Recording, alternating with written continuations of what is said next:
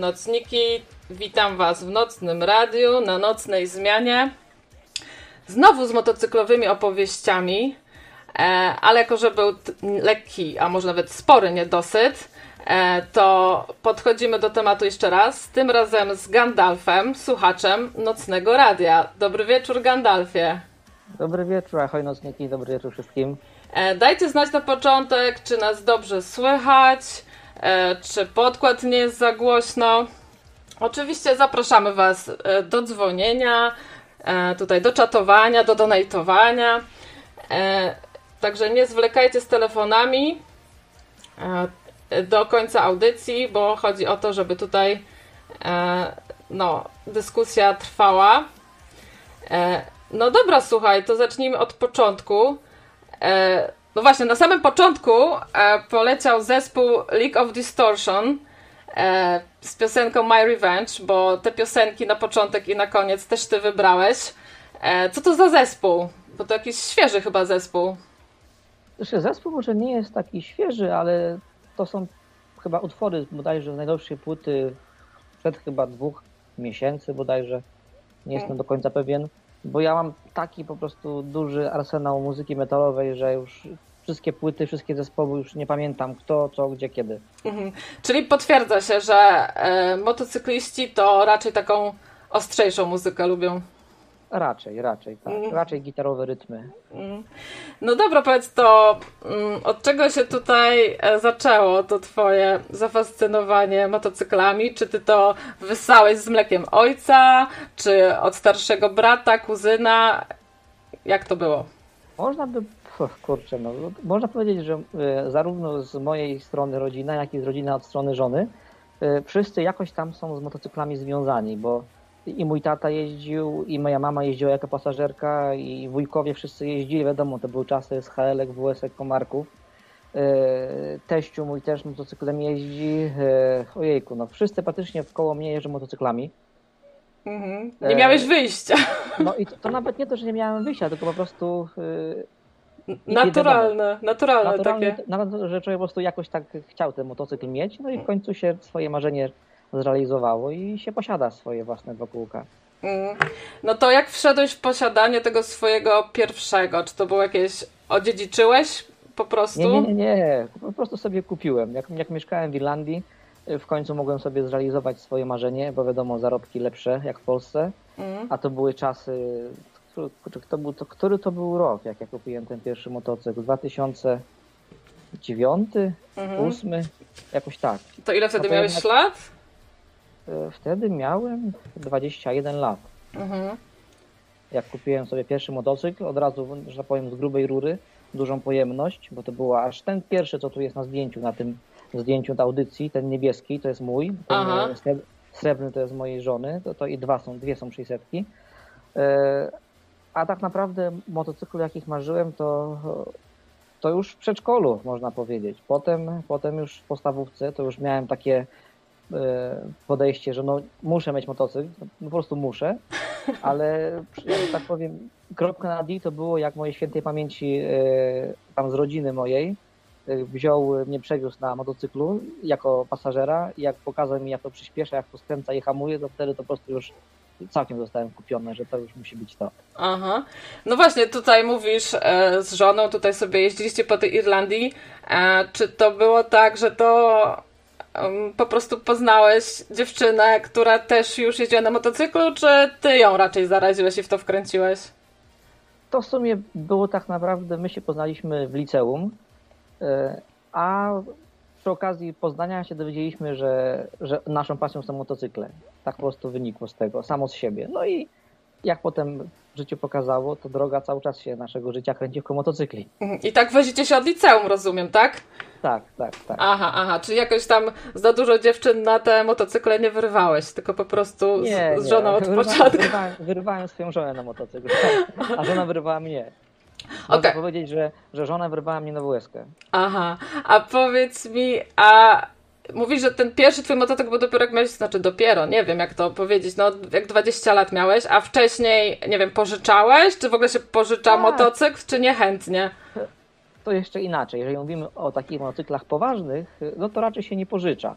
Mm. Bo to już y, to po prostu, że tak powiem, pożyczający boi się o życie osoby, która pożycza. Bo to, no nie oszukujmy się, to są takie prędkości i- Mm. i to, no, technikę jazdy już trzeba mieć. Nie można tak sobie wsiąść i po prostu pojechać. Bo to można sobie zrobić krzywdę od razu. A, a, a takie motocykle to była tam właśnie WSK, Komarek, jakaś MZ, no Mhm. to koledzy dawali się przejechać no i tak człowiek sobie tam gdzieś pojeździł. Mm. Tutaj e, zaraz odpalimy e, zdjęcia, jakie mi przysłałeś. E, e, tutaj zaczniemy. Nie wiem, czy właśnie w dobrej kolejności to będzie.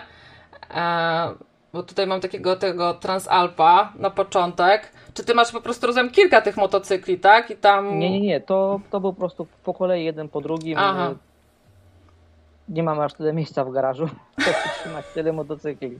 Okej. I tak mamy, mamy motocykl tutaj jest mój, żony stoi i jeszcze teraz zimujemy motocykl teścia u się w garażu, także Mhm. jeszcze motocykle dzieciaczków, te elektryczne, co ci wysłałem zdjęcie. Mhm. Także no, garaż cały pełen. No, no. E, no dobra, to nie wiem, czy jest po prostu ten pierwszy się na takim największym sentymentem darzy, czy, czy jakiś inny masz taki e, swój To to- ulubiony? To zależy od człowieka. Ja wychodzę zawsze z założenia, że na daną, na daną chwilę, na dany etap życia po prostu potrzebuję różny motocykl. I tak jak pierwszy, który kupiłem, to był taki motocykl typowo, nazwijmy to miejski, e, bo ten motocykl, który tam widzisz, to była Honda Hornet, ten niebieski, to to jest, można powiedzieć, ścigacz bez owiewek. Po Mhm. prostu jest moc motocykla sportowego, tylko tyle, że pozycja jest wygodniejsza, można śmiało jeździć po mieście. A że ja mieszkałem w Dublinie, Mhm. w centrum miasta, no to po prostu taki motocykl był dla mnie wygodny i potrzebny.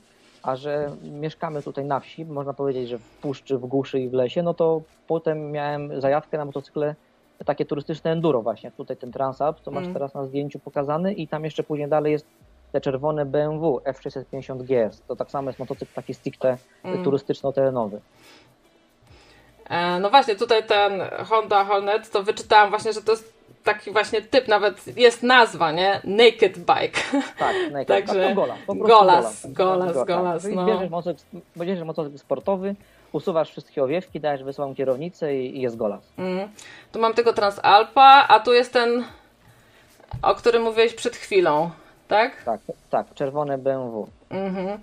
Czerwone BMW. E, no i tutaj znowu widzimy te piękne widoczki irlandzkie nad, z tym Hornetem na pierwszym planie. E, no i tutaj e, jakieś zloty rozumiem, tak? Ale to w Polsce czy w Irlandii? Się zaczęło się od Irlandii, bo wiadomo, tam, tam jakby, tam może zacznę od tego, że w Irlandii e, była dość duża Polonia i dość duża Polonia jeździła na motocyklach i stworzyliśmy taką grupę, która się nazywa Husaria. Mhm. No i to była taka grupa nieoficjalna, nie mieliśmy ani żadnej stronie, ani, ani jakichś tam żadnych oficjalnych, e, że tak powiem, atrybutów, typu jakieś tam kamizelki, naszywki. Po prostu zwykła, luźna paczka przyjaciół, która sobie jeździła tu i tam, spotykała się, Mhm. organizowała wośpy e, na, na terenie Dublina, organizowała jakieś e, ciekawe spotkania, zbiórki charytatywne. No i tam tak się człowiek trochę poudzielał. A później, jak już wróciłem do Polski, no to e, można powiedzieć, że tu zloty takie jak ten tu, co jest koło mnie, to się odbywa ten łagowski rok blues i motocykle. E, No i najczęściej jeździłem na Woodstock Rally, nie? Na, Mhm. teraz to na Poland Rock. Tak, tak. tam miałeś dosyć blisko na ten Kostrze nad Odrą. Tak, tak. Do, do Kostrzynia to ja mam ode mnie spod domu to jest godzina jazdy. Mhm. E, No i rozumiem, że tam e, pakujecie się na te motocykle i te namioty, to, to, to musicie to wszystko spakować, tak? Na ten motocykl. No to jeszcze właśnie zależy gdzie się jedzie, bo jak się jedzie na taki wypad, nie wiem, dwu, trzydniowy, to wystarczy namiot, dwie pary majtek. Wszystko Mhm. to, ci- to, się zmieści do jakiejś tam y, torby albo tak zwanego y, wałka, Mhm. który się mocuje z tyłu takimi ekspanderkami na tylnym siedzeniu i w drogę, a jak już się jedzie w taką podróż tygodniową czy dalej, to już wiadomo, są typowe motocykle właśnie z tymi kuframi No tak. aluminiowymi, czy z sakwami, no to już taka grubsza wyprawa, to już, to już trzeba przemyśleć, trzeba Mhm. minimalizować, minimalizować wszystkie potrzebne rzeczy, na, na taką wycieczkę bliską to z kolei nie ma takiej potrzeby. No tutaj e, takie zdjęcie wrzuciłam, jak tutaj rozumiem, ty e, tutaj chłodzisz się. Czy to są, rozumiem, jakieś zadania z tego, e, z, na tym jednym ze zlotów, czy tak po prostu? E, Nie, nie, to, to akurat zdjęcie to jak e, miałem ten motocykl, bo już go nie mam, teraz mam e, chopperka, to jak miałem ten motocykl, to tutaj z znajomymi z okolicy w niedzielę najczęściej jeździliśmy sobie rano na kawę. Braliśmy motocykle, była nas trójka, czwórka i jechaliśmy na azymut godzinkę gdzieś tam przed siebie na jakieś fajne tereny.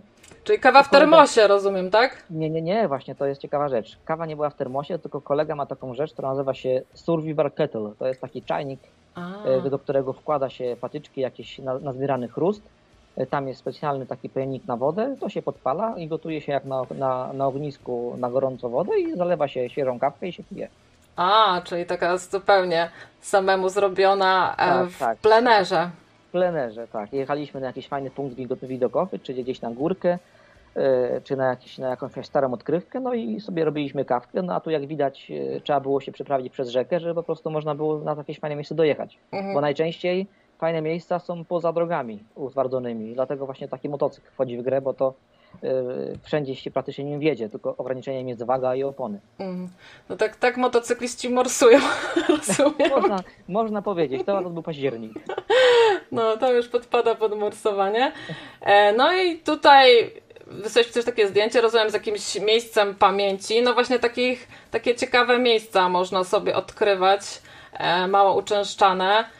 E, no ale przeważnie pewnie z jakąś e, smutną historią w tle. Pamiętasz w ogóle, co to za miejsce? Bo ja tam zbliżenia robiłam, to niestety nie, nie, nie, nie, nie dało rady tam odczytać, co to jest. A to jest akurat zdjęcie mojej żony, to żona pojechała. Mhm. E, Jak ja byłem w pracy, bo ja jeżdżę ciężarówką, także jak mnie nie ma w domu, to małżonka też sobie gdzieś tam z nami pojedzie sama, jak dzieci są w szkole. I to jest akurat niedaleko nas.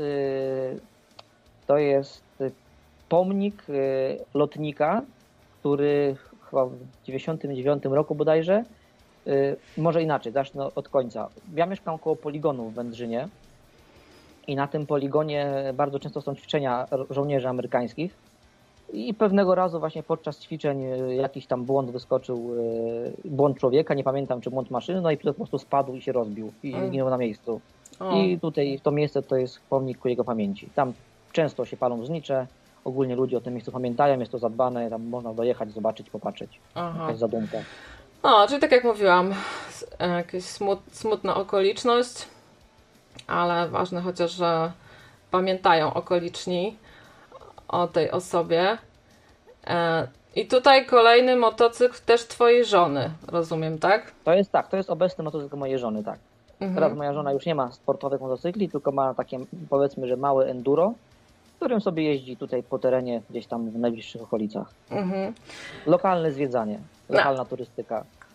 A, a jak ona, e, że tak powiem, e, wiesz, wybiera sobie te motocykle? No, no to jest przeważnie, że to ty zmieniasz i wtedy ona też zmienia, czy tak wspólnie do tego dochodzicie? Nie, moja żona jest całkiem w tej kwestii niezależna, kupuje, robi to co chce, tylko że u niej jest jedno jedyne ograniczenie. Waga motocykla i wzrost mojej żony. E, Bo jakby nie było, e, jednak motocykle są z reguły ciężkie i te turystyczne enduro, jakie mieliśmy, to były dla niej za ciężkie, jak, jak, jak chciała nimi pojeździć. Mhm. Dlatego tu musiała kupić motocykl lekki, który no tam nawet nie wiem dokładnie ile waży, chyba 150 kg, także śmiało sobie z nim radzi. Mhm, okej. Jednak waga, w terenie waga to jest, to jest e, inaczej. Jak nie ma się aż tak dobrej techniki, to waga i opony to jest najgorsze kryterium, ale zwłaszcza waga. Bo jak człowiek się przewróci, to trzeba to jeszcze umieć to podnieść. No A, właśnie. a przewrotki w terenie są praktycznie, nie ma trasy bez przewrotki, jak się jedzie. Mhm, mhm. No właśnie, a były jakieś niebezpieczne sytuacje, takie mocno was spotkały, czy udało się na razie bez Żona jakichś... miała jakieś tam parę szlifów, to, to, to ogólnie w, terminologii to szlif to, to, jest jakiś tam, jakaś, jakaś, e, tak mówi się, e, zdarzenie drogowe, to jest ślizg, tak to się określa. E, Żona miała jakieś takie parkingówki tak zwane też, że gdzieś tam się noga omsknęła, na bok się przewróciła, takie typowe e, właśnie, gdzie brakuje, brakuje tej nogi, bo wzrost jest nieodpowiedni, albo na przykład, nie wiem, brakuje e, powiedzmy techniki, że gdzieś tam człowiek się niechcący nogą podeprze i się przewróci. Mhm. To ja miałem też kiedyś taki przypadek właśnie w terenie, że e, niepotrzebnie wystawiłem nogę i się po prostu przewróciłem. Mhm. Ale jeśli chodzi o, o jazdę po asfalcie, to miałem dwa takie dosyć poważne, może nie wypadki, ale takie dwa poważne ślizgi, że po prostu motocykl trzeba było konkretnie naprawiać. Ja się, Mhm. ja się po prostu tylko poobijałem, ale, ale jeden miałem tutaj w Polsce jeszcze, blisko domu, gdzie jak jechałem na zakręcie, to jeden jakiś młody chłopak w Mercedesie na zakręcie, już na środku zakrętu wyskoczył na moim pasie, po prostu za szybko jechał i go wyrzuciło. Mhm. I ja musiałem się ratować ucieczką na pobocze i tam e, koło złapało piasek, no i po prostu się przerzuciłem na bok, motor poleciał w krzaki, ja też. A drugi przypadek to, to jak w Irlandii, jechałem po mieście na masaż, e, bo miałem wtedy kontuzję kręgosłupa, e, w pracy się nadwyrężyłem i jeden pan taksówkarz mnie nie zauważył i postanowił, że sobie zawróci na środku ulicy. No A. i się udało mi się uratować, ale odbiłem się nogą od jego zderzaka i, że tak powiem, wybiło mnie z toru jazdy i motocykl sobie poleciał po asfalcie. Mhm. Posunął tam paręnaście metrów, ja też. I, powiedz, I po takim zdarzeniu nie miałeś takich myśli, żeby zrezygnować z tego, że to może niebezpie- zbyt niebezpieczne? Czy ja wiem? Nie. Nie, nie było czegoś takiego. Nie. Widocznie były to sytuacje aż na tyle nie, nie, nie, niegroźne po prostu, że nie było jakiejś tam, No. że tak powiem, e, strachu w tym. A to prawo jazdy e, na te motocykle, no bo miałeś tą pojemność większą na początku od razu, nie? To Tak, robiłeś w Polsce czy w Irlandii? Nie, w Polsce, w Polsce. W Polsce. Mhm. E, I, I robiliście razem, czy poszliście razem na ten kurs, czy najpierw ty, potem żona, jak to było? Pierw, pierw żona była, bo to było tak, że ja pojechałem do Irlandii pierwszy. e, Żona wtedy, e, bo żona ode mnie jest rok młodsza, e, a my pojechaliśmy tam praktycznie od razu po liceum. Tak, także żona miała pierwsza okazję prawie zrobić w Polsce, a ja, ja zrobiłem drugi rok po żonie. Mhm. Okej, ale e, motocykle kupowaliście razem, tak? Tak, praktycznie, praktycznie razem. Mhm, okej. A generalnie od początku jeździcie każdy na swoim, czy czasami jednak tak wiesz, e, na... Bardzo, bardzo rzadko żona jest plecaczkiem, bo po prostu jak ktoś już jeździ motocyklem, to ma to po pierwsze nie lubi jeździć motocyklem jako pasażer, a po drugie po prostu się boi, bo jednak prowadzenie motocykla to, to są instynkty i, i na przykład to trzeba poczuć. Jak się jedzie jak- jako osoba z tyłu, to człowiek nie czuje się pewnie. Może darzyć kierowcę największym zaufaniem, ale jednak siedzi z tyłu, to nie czuje się pewnie. No tak. No właśnie, tutaj mówiłeś, że jechałeś na rehabilitację, bo się nadwrężyłeś w pracy, już mówiłeś, czy tam wtedy też pracowałeś jako kierowca już? Nie, nie, ja pracuję dopiero jako kierowca od, od kiedy wróciłem do Polski, to od 2010 roku. Aha. A, a tak tam to byłem, y, można powiedzieć, pomocnikiem spawacza. No dobra, ale no to już od 2010 roku, no to już też kawał czasu jesteś tym kierowcą. No to, wiesz, tak na logikę ktoś jak pracuje jako kierowca, to chciałby sobie odmienić trochę, nie? Jako hobby, a tutaj znowu jeżdżenie. E, Jak to jest? Czy to jest po prostu zupełnie co innego? Takie jeżdżenie dla fanu? To jest całkiem. y, To, tego nie można w ogóle porównać, bo jazda ciężarówką to jest, jest, jest praca, tak? Si- Siadamy w ciężarówkę, jedziemy od punktu A do punktu B, robimy swoją, swoją robotę i ta jazda jest nużąca, nudna, po prostu człowiek ma jej dosyć po, po pierwszym dniu. No nie oszukujmy się, to tego, tego nie można porównać. A jazda motocyklem to, to jest, no to jest, to jest e, frajda. Te przyspieszenia, zakręty, zapachy, bo jednak świat inaczej pachnie, jak się motocyklem jedzie. Jak się przyjeżdża przez nawet tą samą okolicę, to inaczej pach, pachnie las o godzinie 7 rano, inaczej o godzinie 9, a inaczej o 15, ale jeszcze inaczej przy zachodzie słońca. Także ten świat zapachów w jeździe motocyklem to, to, jest, to jest w ogóle e, po prostu e, obja, odjazd. A, no tutaj Motomaniak spisze zwinny jak Anaconda, szybki jak motor Honda. A Koraz tutaj mi zwrócił uwagę, że byłam za głośno. To powiedz, czy teraz jest trochę lepiej? Ja słyszę cały czas dobrze. E, No tak, ale tutaj, no nieważne, w OBS-ie mogę być trochę jednak za głośno tutaj tymi, no tutaj trochę zmniejszyłam. Napiszcie, dajcie znać, czy, czy jest trochę lepiej i czy ten podkład nie jest za, za głośno. E, no właśnie, mówisz te zapachy, e, czyli jednak bardziej was jara właśnie wyjechanie gdzieś tam w teren. Dużo czasu na tych drogach, tych głównych powiedzmy nie spędzacie na tych Praktycznie, motocyklach. praktycznie słuchaj wcale, bo prawda jest taka, że e, my tutaj mieszkamy w Lubuskim, no to tutaj jest jeden wielki las, można powiedzieć. Są dwa, trzy duże miasta, e, droga jest tylko jedna, a dwójka i jest trójka, jakaś tam wojewódzka, a wszystko inne są takie drogi lokalne, w większości po jakichś e, wioskach, e, także ta jazda jest po prostu ostresowująca. Mm. E, No właśnie, tutaj e, tutaj mam jeszcze takie jedno zdjęcie. Podejrzewam, że też z Irlandii jeszcze. E, waszych tych dwóch e, motocykli. No i tak sobie jeździliście, jeździliście z tą żoną. E, no i w końcu e, dorobiliście się e, takich dwóch małych skuterków. Tak jest.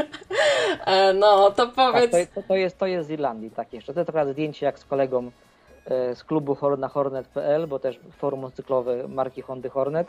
To tutaj razem się spotkaliśmy w Irlandii. Kolega był Artur z Warszawy i razem jeździliśmy po Mm. Irlandii. E, tutaj miałam jeszcze jedno zdjęcie z jakiegoś zlotu, no O, to, tutaj, jest, to jest z Woodstocku. Ten wcześniejszy to było, to było z Woodstocku. a tutaj właśnie te sku, skuterki elektryczne, tak? To. O, ja przepraszam bardzo, to jakby córka usłyszała, by się obraziła. O, To są, to są krosy. A, to są krosy. To są krosy, tak. E, Tam widziałam jakiś napis Hecht, tak? To jest ta firma? Tak, tak, Hech, tak, to jest cze- czeska firma, tak, A. produkuje motocykle i spalinowe i elektryczne. A, I ile takie cudeńko kosztuje? Y, powiedzmy, że 2,5 tysiąca złotych. Aha, okej. I ile, e, że tak powiem, to jest jakaś, rozumiem też od jakiejś wagi dziecko może na takie coś wsiąść? Jak to jest? Czy od wzrostu to zależy? Inaczej, u nas, u nas to wyglądało tak, że y, ja kiedyś znalazłem na YouTubie recenzję takiego produktu firmy Razor. To jest amerykańska firma, która też robi hulajnogi i motocykle elektryczne, jakieś tam właśnie skuterki. I to jest y, taki typowy pojazd do nauki jazdy, który tam jest troszkę jeszcze mniejszy od tych, co tutaj są na zdjęciu.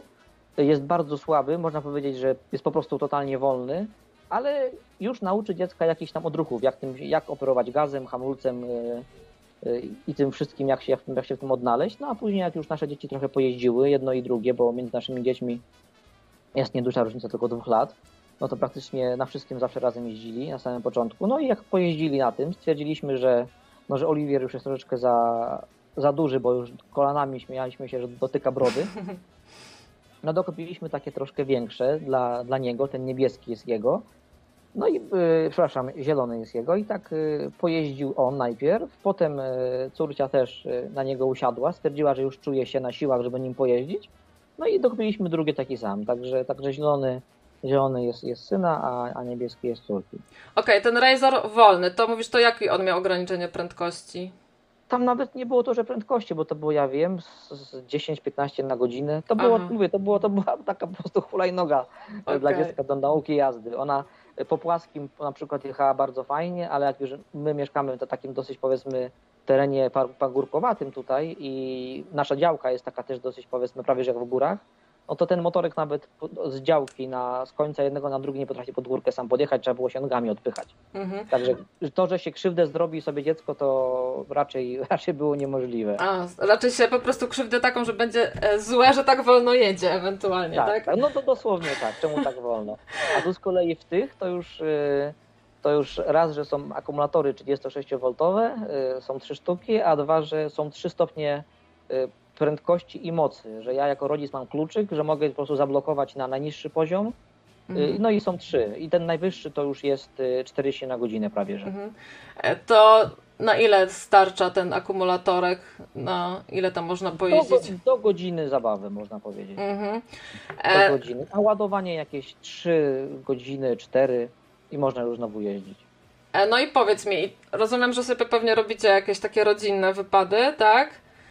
Ale... Inaczej, ja mam tak dużą działkę, że dzieci jeżdżą po podwórku. A, okej. E, mamy taki kawałek swojego lasu i tam mają taki swój tor przeszkód zrobiony, sobie tam jeżdżą u siebie, nie muszą nigdzie wyjeżdżać. Wiadomo, mają tam kaski i takie inne rzeczy. A jeże- jeżeli chodzi o takie wypady, to czasami pakujemy motorki do samochodu, jedziemy gdzieś kawałek do jakieś fajne miejscówkę do lasu, po prostu i my jedziemy wtedy rowerami, e, a dzieci jadą koło nas na motorkach. A, Plus jest taki, że jest to elektryczne i można wjechać wszędzie. mm, a one tak to czysto, wiadomo, hobbystycznie na razie traktują, ale nie wiem, nie myślę o tym, żeby kiedyś startować w jakichś wyścigach czy czymś takim. No, jakieś tam zapędy mają, nie powiem, że Mhm, nie. mhm. Nie, bo dzieciom, dzieciom się bardzo szybko rywalizacja włącza. Tak, tak, Wbrew tak, pozorom. No ale co będzie, to zobaczymy. E, No i tutaj właśnie mówiłeś e, o tym zlocie, który tutaj, no już tam nie wiem, od 20, tak, teraz 27 już będzie e, w Łagowie Lubuskim. E, No i okazało się, że masz tam na piechotę, tak? Jesteś Ja stałym tam bywalcem. 4 km, ja jestem lokalesem, mam 4 km. Aha. Czyli rozumiem, że wy tam nie nocujecie pod namiotami. Nie, nie nocujemy, bo to by się, to by się mijało stylem. Często jest tak, że my tam po prostu jedziemy motocykl, tfu, motocyklami. Jedziemy tam sobie rowerami, bo tam jest w Łagowie jest taki ścisk, że tam, no tam to trzeba zobaczyć filmik w internecie i zdjęcia, żeby zobaczyć o co chodzi.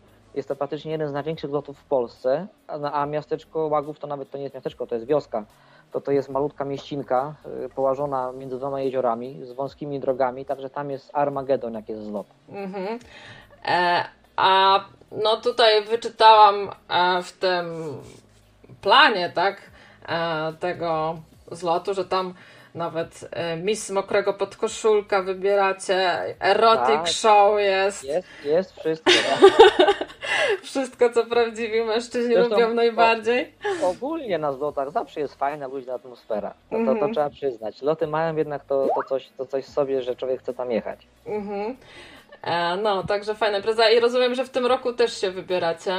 Tak, tak, u nas to musowo każdego roku. Jak tylko jestem w domu, bo czasami się zdarzy, że jestem w trasie, niestety, to wtedy y, jestem strasznie niepocieszony, no ale zdarzyło się tam dwa czy trzy razy, że nie było mnie na zlocie, to żona sama jechała z dziećmi, ale ogólnie to jak tylko możemy, to na tym, na tym Łagowie jesteśmy na paradzie i, i, później, i później po prostu idziemy sobie pochodzić, łapać ten klimat, bo nie musimy nigdzie jechać, nie musimy jechać motocyklami, to po prostu możemy skupić się na, na, na, na chłonięciu tego całego, no jakby nie było widowiska. Mm. Tutaj to mi się już mi podsyła jakieś motocykle, które mogłabym rozważyć e, e, do kupienia.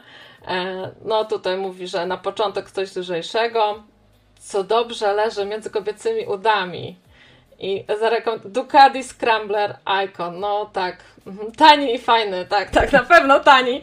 No właśnie, powiedz mi, czy takie jakieś marzenia mm, masz typu, nie wiem, Ducati, Triumph? Oj, Marzeń ja mam dużo, tylko ja również nie jestem zbyt, zbyt wysokiego wzrostu, dlatego jest to niestety ograniczone, ale marzenia są, tak. To takim najbardziej jakby osiągalnym takim jestem marzeniem, to u mnie jest Harley Davidson Iron 883 albo 1200, to z takich motocykli typowo takich drogowych, takich właśnie czoperowatych, które mi się podobają.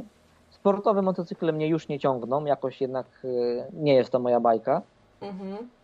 A z kolei z motocykli enduro, to, to takie naprawdę marzenie to jest e, Afry, Honda Africa Twin, a ona jest tak niemiłosiernie wielka i duża, że ja jak na nim siedzę, to po prostu macham sobie nóżkami w powietrzu jak małe dziecko. Mhm. Także wiem, że ten, ten motocykl, pomimo szczerych chęci i że wiem, że bym sobie z nim poradził, to po prostu nigdy nie będzie mój.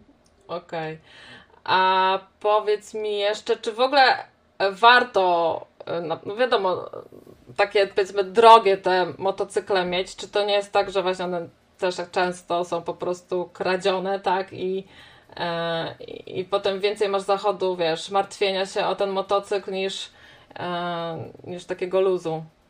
Jak? Wiadomo, że motocykle zawsze kradli, kradną i będą kraść, no ale wydaje mi się, że no to no na to akurat nie ma się żadnego wpływu. Tutaj bardziej bym się, się skłaniał ku odpowiedzi, że jeżeli motocykl drogi to mamy, to będziemy się bali nim y, wszędzie wjechać. Z racji tego, że będziemy bali się, że się przewrócimy, że pojawią się plastiki, że coś się stanie, ale raczej o kradzieżach się w ogóle raczej nie myśli. Mhm. Są zabezpieczenia, które można stosować na, na motocykl, y, antykradzieżowe, alarmy, y, jakieś łańcuchy, blokady na tarczę hamulcową, na, na kierownicę. No jest, jest teraz duża gama akcesoriów. Mhm. Okej, czyli mówisz, kradzieży się nie boisz, jesteś zabezpieczony. E, rozumiem, że nic takiego cię nie spotkało póki co. Nie, ale mnie, mnie nie, że moje kolegi w Irlandii tak. Mhm. Zbierał 4 lata na motocykl, żeby kupić za gotówkę dosyć drogi na tamte czasy KTM Super Duke. Yy, No i faktycznie po dwóch tygodniach mu go ukradli. Mhm. Tylko, że to była Irlandia, tak? Tam to jest jednak troszkę jeszcze inna, inna historia. To, ale w Polsce raczej jest bezpieczniej w tej kwestii. Mm. No i rozumiem też, że masz e, autokasko, tak? Też sobie wykupujesz i po prostu. Nie, akurat autokasko nie wykupuję, bo moim zdaniem nie ma to sensu. W przypadku tak, że tak powiem, tanich motocykli, jakie ja posiadam, to nie ma to sensu. Aha, aha. Okej. E, Co wy tutaj piszecie? Motomaniax pisze, że tylko Honda, Yamaha, Triumph. E, A jak będę zabyty, czyli rozumiem bogaty, to tylko MV Augusta. Czy tobie coś to mówi? Mówi, mówi, tak, ale mówię, to są motocykle, te, te MV Agusty, to raczej nie w moim stylu, ale doceniam, bo to jednak jako, jako maszyna, jako rzemiosło, to to jest no, sprzęt pierwsza klasa. Jest tak dokładnie wykonany, tak, tak y, zaprojektowany, no jak to wiadomo, włoska marka. Zaś co do Triumfa, to Triumph to klasa, jakiej ten, ta marka poczyniła w jakości wykonania z lat 90., a teraz to jest dzień do nocy. Triumph, y, wszystkie spawy, wszystkie śrubki sygnowane logiem, y, jakość y, materiałów użytych do tego motocykla po prostu jest powalająca. Nawet Mm. bije na, na głowę obecnie Harley'a albo nawet Indiana. E, No właśnie, tutaj mówisz śrubki i tak dalej. Czy ty dużo czasu spędzasz po prostu grzebiąc sobie też przy tych motocyklach? Czy wcale nie? Ogólnie motocykle się nie psują, można powiedzieć. Wiadomo, są jakieś nieudane modele, w których y, dzieją się dziwne rzeczy, ale japońskie motocykle to są japońskie motocykle. Tam tylko się leje paliwo, robi okresowe przeglądy, regulacje, wymienia oleje i się jeździ. Mm, No, to świetna rekomendacja.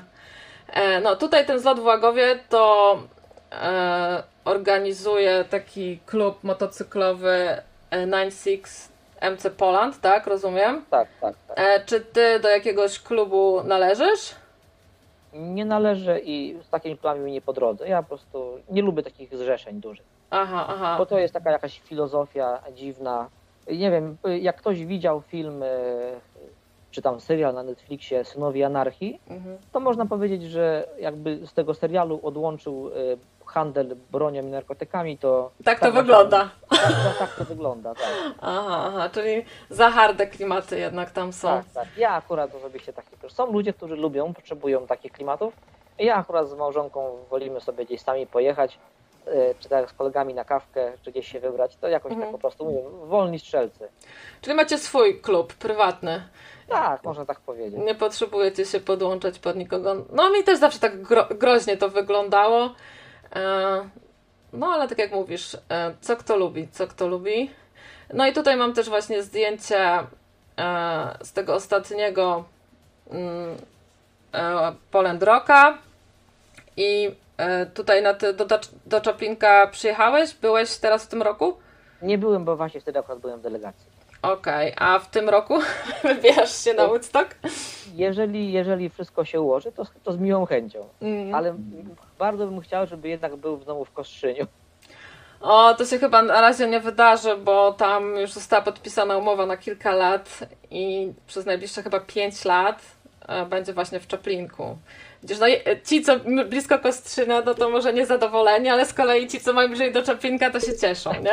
A no wiadomo, że tak. No, to normalna sprawa. No, no. Koszula zawsze bliższe ciało. Tak, a tutaj mam takie zdjęcie z Woodstocku właśnie jeszcze w Kostrzyniu z 2012 roku. Tutaj takie fajne zdjęcie z góry, e, jak wyglądał, wygląda taki ten przejazd e, motocyklowy.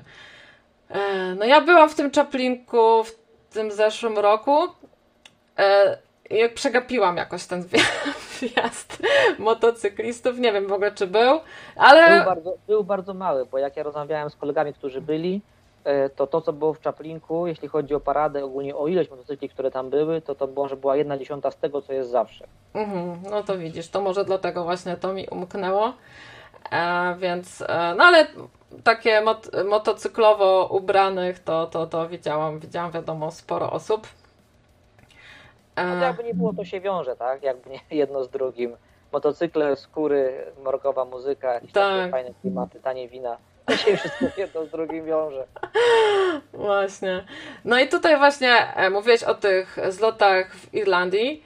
E, No i znalazłam coś takiego jak e, rozpierducha bez hamówy, taki zlot. Tak, Czy tak, tobie było coś to mówi? Tak, tak, tak, tak, było. Aha, i też było kilka, rozumiem, Było edycji. kilka edycji, tak, tam się właśnie chłopaki z Hustari zjeżdżali. Potem do, do, do takiego już doszło fajnego etapu, że na chyba trzecim albo czwartym to już tam przyjeżdżali normalnie Irlandczycy. A, czyli się zaczęli podpinać pod Polaków, tak? Tak, tak, no bo jednak no nie oszukujmy się, nasze zloty to są no po prostu kozackie. Mhm. E, No właśnie, mówisz o tej Irlandii, e, to ile czasu tam byliście i jak zapadła decyzja o powrocie tutaj do Polski? 4 lata byliśmy w Irlandii, Mhm. e, a decyzja to w sumie dlatego zapadła, bo wtedy wybuchł ten kryzys, który był ekonomiczny i Irlandia wtedy mocno dostała po dupie Mhm. i tak naprawdę już nie było po co tam siedzieć. Była strasznie trętna atmosfera i te dwa lata były tragiczne. Y, Dlatego stwierdziliśmy, że wracamy do Polski.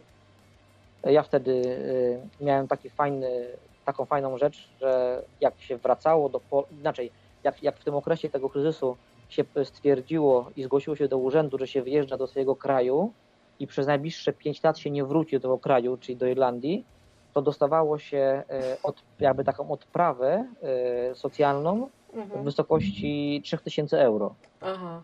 y, jakby takiego zadość, zadośćuczynienia. No i ja wtedy stwierdziłem, że skoro już mam te pieniądze, to sobie po prostu zrobię wszystkie prawo jazdy, jakie są, żeby można było jakoś to wykorzystać, jakoś siebie zainwestować, tak mówię. Ja studiów nie ukończyłem, y, co prawda zacząłem dwa razy, ale nie ukończyłem, mam tylko wykształcenie średnie, dlatego no stwierdziłem, że żeby jakieś tam pieniądze zarabiać, no to, no to trzeba iść coś tam pojeździć. Mhm. E, No i tym właśnie sposobem, tutaj jako ostatnie zdjęcie wam wrzucę, właśnie zostałeś trackerem, kierowcą ciężarówki. E, i Ile, mówisz, ta twoja kariera w tym zawodzie No teraz- trwa? Teraz to już leci 11 rok. Na, na początku jeździłem, znaczy moja kariera zaczęła się od, w ogóle od autobusów. A, Jeździłem autobusami najpierw, y, a później zaczęła się od ciężarówek. aha. E, I co tutaj e, za zdjęcie mi przysłałeś? To, e, co tu jest, co tu się wyczynia?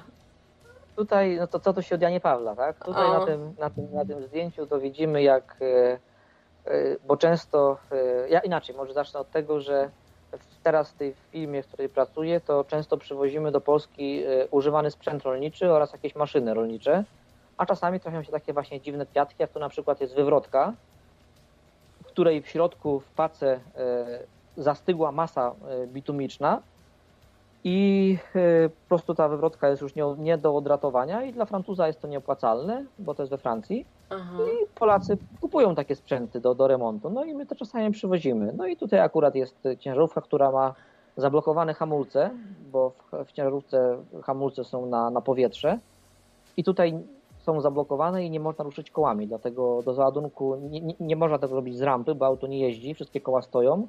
No to został wynajęty dźwig i zostało to poniesione auto do góry, a ja cofałem, e, że tak powiem, naczepą i kiedy już było w odpowiednim miejscu, dźwig to postawił na dół, zapięły się pasy i, i do Polski heja. A, czyli rozumiem, że to twoja ciężarówka czeka na, tę, na Tak, to tak, auto. Wtedy, na tamte czasy, bo to już zdjęcie ma chyba dwa lata bodajże, to wtedy tak, wtedy jeździłem taką ciężarówką. Mhm. Nie E, polecam. No, e, Od Iwek jest takie powiedzenie, od Iweko to z daleko. aha, okej.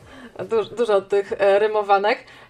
No ale to też tak sobie pogadaliśmy, że chyba ten temat trackerski zostawimy na osobną audycję, bo to też jest... Oj, to, jest- to jest tak szeroki temat. Jeżeli będą chcieli słuchacze słuchać, to jak najbardziej nie ma problemu, bo tutaj w ciągu tych wszystkich lat to ciekawych parę historii było. No, to myślę, że sobie zostawimy i gdzieś tam za miesiąc, dwa e, tu się znowu połączymy. A teraz wrócimy jednak do tych e, motocykli. No ja Do bym rzeczy, do rzeczy przyjemniejszych teraz możemy czyli do tego hobby twojego. Tak.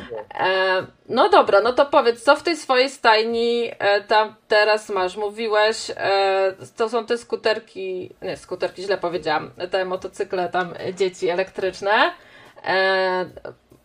Tak, też, żona ma, żona ma y, Scramblera piątkę, Zipa. Mm. Y, to, jest, to jest motocykl chiński, polsko-chiński motocykl, można tak powiedzieć. Polsko-chiński ja motocykl. Polsko-chiński motocykl, tak, bo Zip to jest, to, jest, to jest marka polska, a znaczy ogólnie rynek teraz tak działa, że takie marki jak Zip, Romet, y, jest tego dużo na polskim rynku, kupują sprzęty licencjonowane różnych firm chińskich, dają tam swoje znaczki i sprzedają pod swoim logo. Z Mhm. tym, że ten Chińczyk obecny, można powiedzieć, to już nie jest ten Chińczyk, jaki był do spotkania e, lat temu 10, nie wiem, powiedzmy gdzieś w markecie, jakieś tam skutery chińskie czy coś. To już jednak jakość poszła do góry. I nawet ostatnio taki bloger, e, nie wiem, czy to można reklamować w ogóle jakieś blogi? Można, można. to jest taki na YouTubie Fotomotoblog yy, i tam Kamil taki jest prowadzący i on właśnie ostatnio taki dał ciekawy temat, że tak naprawdę to wszyscy będziemy jeździć Chińczykami, bo kiedyś były takie czasy, że motocykl japoński powstawał w Japonii, motocykl niemiecki powstawał w Niemczech, a amerykański w, w Ameryce, a teraz to y, Harley produkuje motocykle w Indiach, y, Triumph y, w Indiach, BMW w Chinach, KTM w Indiach, i wszystkie praktycznie, nawet, nawet już Honda i Suzuki, praktycznie wszystkie części zamawia z Chin, a tylko motocykle składa u siebie w fabryce w Japonii. A, czyli ewentualnie jak nie chińskim, to indyjskim, tak? Tak, tak, to indyjskie, tak jest. Okej. E, No powiedz mi, a ty te motocykle to kupowa kupowałeś e, z żoną nowe, czy używane? Jak Ten to jest? akurat, żo- ten akurat żony jest nowy. Ja mam, ja mam stary, właśnie, bo ja mam Kawasaki teraz, Kawasaki LTD. Yy, To mój jest, Kawasaki jest z rocznika 88 bodajże, no a żony jest y, y, 2020 rok. Mhm. Bo rozumiem, że z motocyklami wiadomo, e, im, jak kupujesz nowy, to on też tak szybko tracą na wartości e, jak samochody, czy to trochę inaczej tam się rozkłada? To też zależy, zależy jaka marka, są modele bardziej pożądane, są mniej pożądane, zależy jaki silnik, bo to naprawdę temat jest szeroki, chociażby same silniki, tak? Co innego jest kupić motocykl czterocylindrowy, y, rzędowy, co innego rzędową dwójkę, czyli dwucylindrowy, co innego fałkę jeszcze, a co innego jeden cylinder, także to y, każdy jakby typ silnika definiuje typ motocykla, a co za tym idzie definiuje y, też y, jakby odbiorcę tego motocykla. No i tutaj każdy jest w stanie zapłacić y, różną kwotę za, za takie Mm. maszyny. Na, na przykład są takie klasyki jak Harley, które czym starsze, tym droższe, tak? No tak, A, a tak. są takie na przykład motocykle jak ten pierwszy, który miałem, y, ten właśnie ta Honda Hornet, no to można już ją kupić teraz za 6000 zł. Gdzie jak, jak, jak, jako nowa kosztowała 20 tysięcy. Mm. To i tak mi się wydaje, jak na motocykl 20-letni, y, tam, to utrata wartości jest znikoma, bo to jednak jakby nie było, jest dalej prawie pół ceny, tak? Mm. E, No właśnie, trochę tej e, kasy trzeba mieć e, na ten motocykl, ale utrzymanie to chyba, tak już też wcześniej tą Sarą rozmawiałam, to nie wychodzi tak drogo. No na pewno nie ma porównania z samochodem, nie? Tak, ale mówię, to też zależy co. To, to mówię, motocykl to nie jest tylko motocykl, to też trzeba się ubrać, tak? Trzeba też, e, trzeba też mieć odpowiednie ciuchy. A no to, to właśnie. Też, to, to, też, to też nie jest tanie, jak, może, jak można by tak wiesz powiedzieć, ale, ale ogólnie motocykle nie są, nie są awaryjne, tylko tyle, że no po prostu serwis, tak? Olej, filtry, świece. Z Mm. tych starszych, takich jak ja mam, to synchronizacja gaźników, y, co, co dwa sezony, to sezon, zależy ile tam się jeździ. No Mm. jakieś tam są rzeczy, ale to kiedyś to było drogie faktycznie, no bo to jak to Polska, tak, kiedyś była zapóźniona. Ale w tych czasach to wszystko jest, do wszystkiego jest dostęp, są części, ceny nie są, e, ceny nie są też takie wygórowane, no a też nie oszukujmy się, jednak motocykliści w większości to są osoby, które lubią sobie pogrzebać w tych motocyklach. Tak, tak, sami sobie dużo też potrafią tam naprawić. E, tutaj, nie, to nie jest żadny tutaj, z, nikt z nas tu na tych filmikach, po prostu zapuściłam e, jakiś filmik z YouTube'a, także tutaj nie szukajcie e, Gandalfa ani mnie na tych filmikach. Ci wysłałem tam takie jedno zdjęcie tam właśnie ze zlotu na tym Kawasaki, jak siedzę i z tyłu w kasku siedzi mój mały, to, to mogłabyś pokazać, jak gdzieś tam masz, nie wiem, czy, czy doszło, czy nie doszło. E, Doszło, doszło. E, ja tu zaraz wrzucę wam to Tam, zdjęcie. tam twarzy, twarzy nie widać, brzydki nie, ten, nikt mnie tam nie pozna, to możesz pokazać. Okej, dobra. E, no właśnie, na te zloty tutaj rozumiem też dzieci zabieracie, przynajmniej tak, tak, na, tą, na tą dzienną przynajmniej część. Tak, na tą dzienną, nocną to, to, to raczej, to są już takie rzeczy, że raczej nie. To już raczej dla dorosłych. E, e, no i mówisz, macie tam swoją tą ekipę, ale to po prostu jacyś znajomi wcześniejsi, czy właśnie dzięki motocyklom się tutaj e, zakumplowaliście? Dużo znajomości to y, na forach internetowych danej marki, tak? No bo na przykład jak, jak, jak miałem Hondę Transalp, no to jest bardzo, albo inaczej jeszcze. Każda marka motocyklowa ma zagorzałą grupę w Polsce zwolenników, no i wtedy to się wiąże z tym, że zakładają sobie albo jakieś osobne forum, albo jakąś grupę na Facebooku, no i się poznają, jeżdżą po zlotach, spotykają się, także no często jest tak, że na zlocie jedziesz na, na zlot do Warszawy, i spotykają się znajomi z całej Polski na tym zlocie, którzy się cały rok nie widzą, tylko się na tym zlocie spotykają. No tak. Potem z kolei jest drugi zlot gdzieś tam na Podlasiu i tak samo siedzi na Podlasie i tam też jest zlot, no i się ludzie widzą. Bo wpierw się spiknęli na forum, potem dwa razy zobaczyli się gdzieś tam na jakimś zlocie, a później jak charaktery podpasowały, to i ludzie jeżdżą na wycieczki po całym świecie motocyklowe. No to to. Naprawdę to jest, to jest taka akurat miły, miły sposób spędzania wolnego czasu. E, No właśnie, te fora, jakieś blogi, e, tutaj oprócz tego fotomotoblog, co tam jeszcze śledzisz? Czy masz jakieś takich swoich ulubionych, jakiś, Oj, wiesz, polska, polska blogosfera jest bardzo bogata. Na, na YouTubie jest tego bardzo dużo. Nawet teraz tak, nawet powiem szczerze, się nie przygotowałem, ale mówię, fotomotoblog, ADV, Alien Vlog, yy, yy, Luczyn, kurczę, no jest tego naprawdę tak dużo i w każdej kategorii, czy enduro, czy, czy chopery, czy właśnie jakieś tam naked bike'i, sporty, wszystkie takie portale jak ścigacz.pl, motormania, yy, Jednośtat.pl, to wszy- wszystkie wiodące czasopisma motocyklowe też mają swoje odpowiedniki na YouTubie. I mhm. to wszystko można, no są setki godzin materiału do oglądania już, a pomijam tak naprawdę osoby, które same jakieś takie prowadzą blogi, mają kamerkę, nagrywają, mówią. Tego też jest, te, tego to już jest ogrom po prostu. No właśnie, a sam masz e, jakieś ProGo i tam, nie, GoPro, GoPro Go jest. Nie, nie, ja akurat. Nagrywasz ja, ja, też? ja jestem taki, że akurat skupiam się na jeździe, cieszę się tym, nie muszę tego nigdzie dokumentować. Jak z kimś jadę, ktoś ma, to tam nie mam nic przeciwko temu, ale sam po prostu nie używam. Okej, okej. Em, No dobra, słuchajcie. E, Zachęcamy do dzwonienia. E, O jakieś pytania tutaj, czy techniczne bardziej, e, czy właśnie po prostu o jakieś pomysły na, na zabawę tym motocyklem e, dzwońcie. No a ja chciałam też, wiesz, trochę o tobie jako o nocniku porozmawiać, bo już wiemy, że jesteś tutaj słuchaczem. To przez tą jazdę właśnie na ciężarówkach natknąłeś się na nocne radio? Jak to się zaczęło? Tak, to można powiedzieć, że tak, bo e, ja mam taką e, aplikację na telefonie, że sobie ściągam audycję z YouTube'a i sobie słucham później e, offline, jak jadę, no jednak trochę tych godzin się jedzie.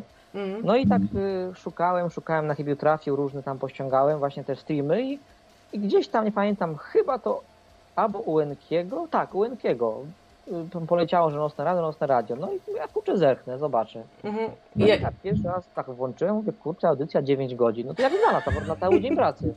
Na No cały, tak. na cały dzień pracy jak znalazł, jak mordę szczelił, no to akurat, no to ściągnąłem. Mówię, no fajne, fajne, krawiec tam gadał. To jeszcze były te czasy, jak tam e, częściej dzwonił i, i Potrzeba, i Zenon, i, i Błażej. To takie, no już to, to z dwa lata temu było, dwa i pół, albo, no trzy lata, tak, Mhm. przepraszam, trzy lata. Mhm.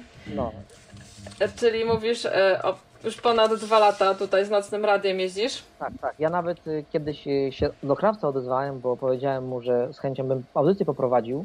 Nawet sobie u niego już nazwę zarezerwowałem, to by się nazywało Nocne Poranki. I by to była audycja niedzielna, taka coś powiedzmy ala budzik w trójce. No ale z racji tego, że naprawdę no nie mam tego czasu tyle i nie zawsze mogę być w domu w niedzielę, bo ja mam tak naprawdę nienormowany czas pracy, no że no na razie jest to nie, no po prostu niemożliwe do wykonania. E, no tak, tak, ale tutaj już ustaliliśmy, że wiesz, e, tu jest elastyczność, nie? Także e, jakbyś kiedyś poczuł jednak, że, że jak tam, nie wiem, raz w miesiącu byś miał czas, e, to, to, to zapraszamy, nie? Bo takie nadawanie raz w tygodniu, no to jednak jest zobowiązujące, nie oszukujmy się. E, ale tam raz w miesiącu zrobić właśnie taki o, aktywny poranek. To ja musiałbym mieć y, przeszkolenie odnośnie tego, jak puszczać muzykę, żeby nie było tych praw autorskich, bo ja bym chciał taką audycję, w której byłoby dużo metalu.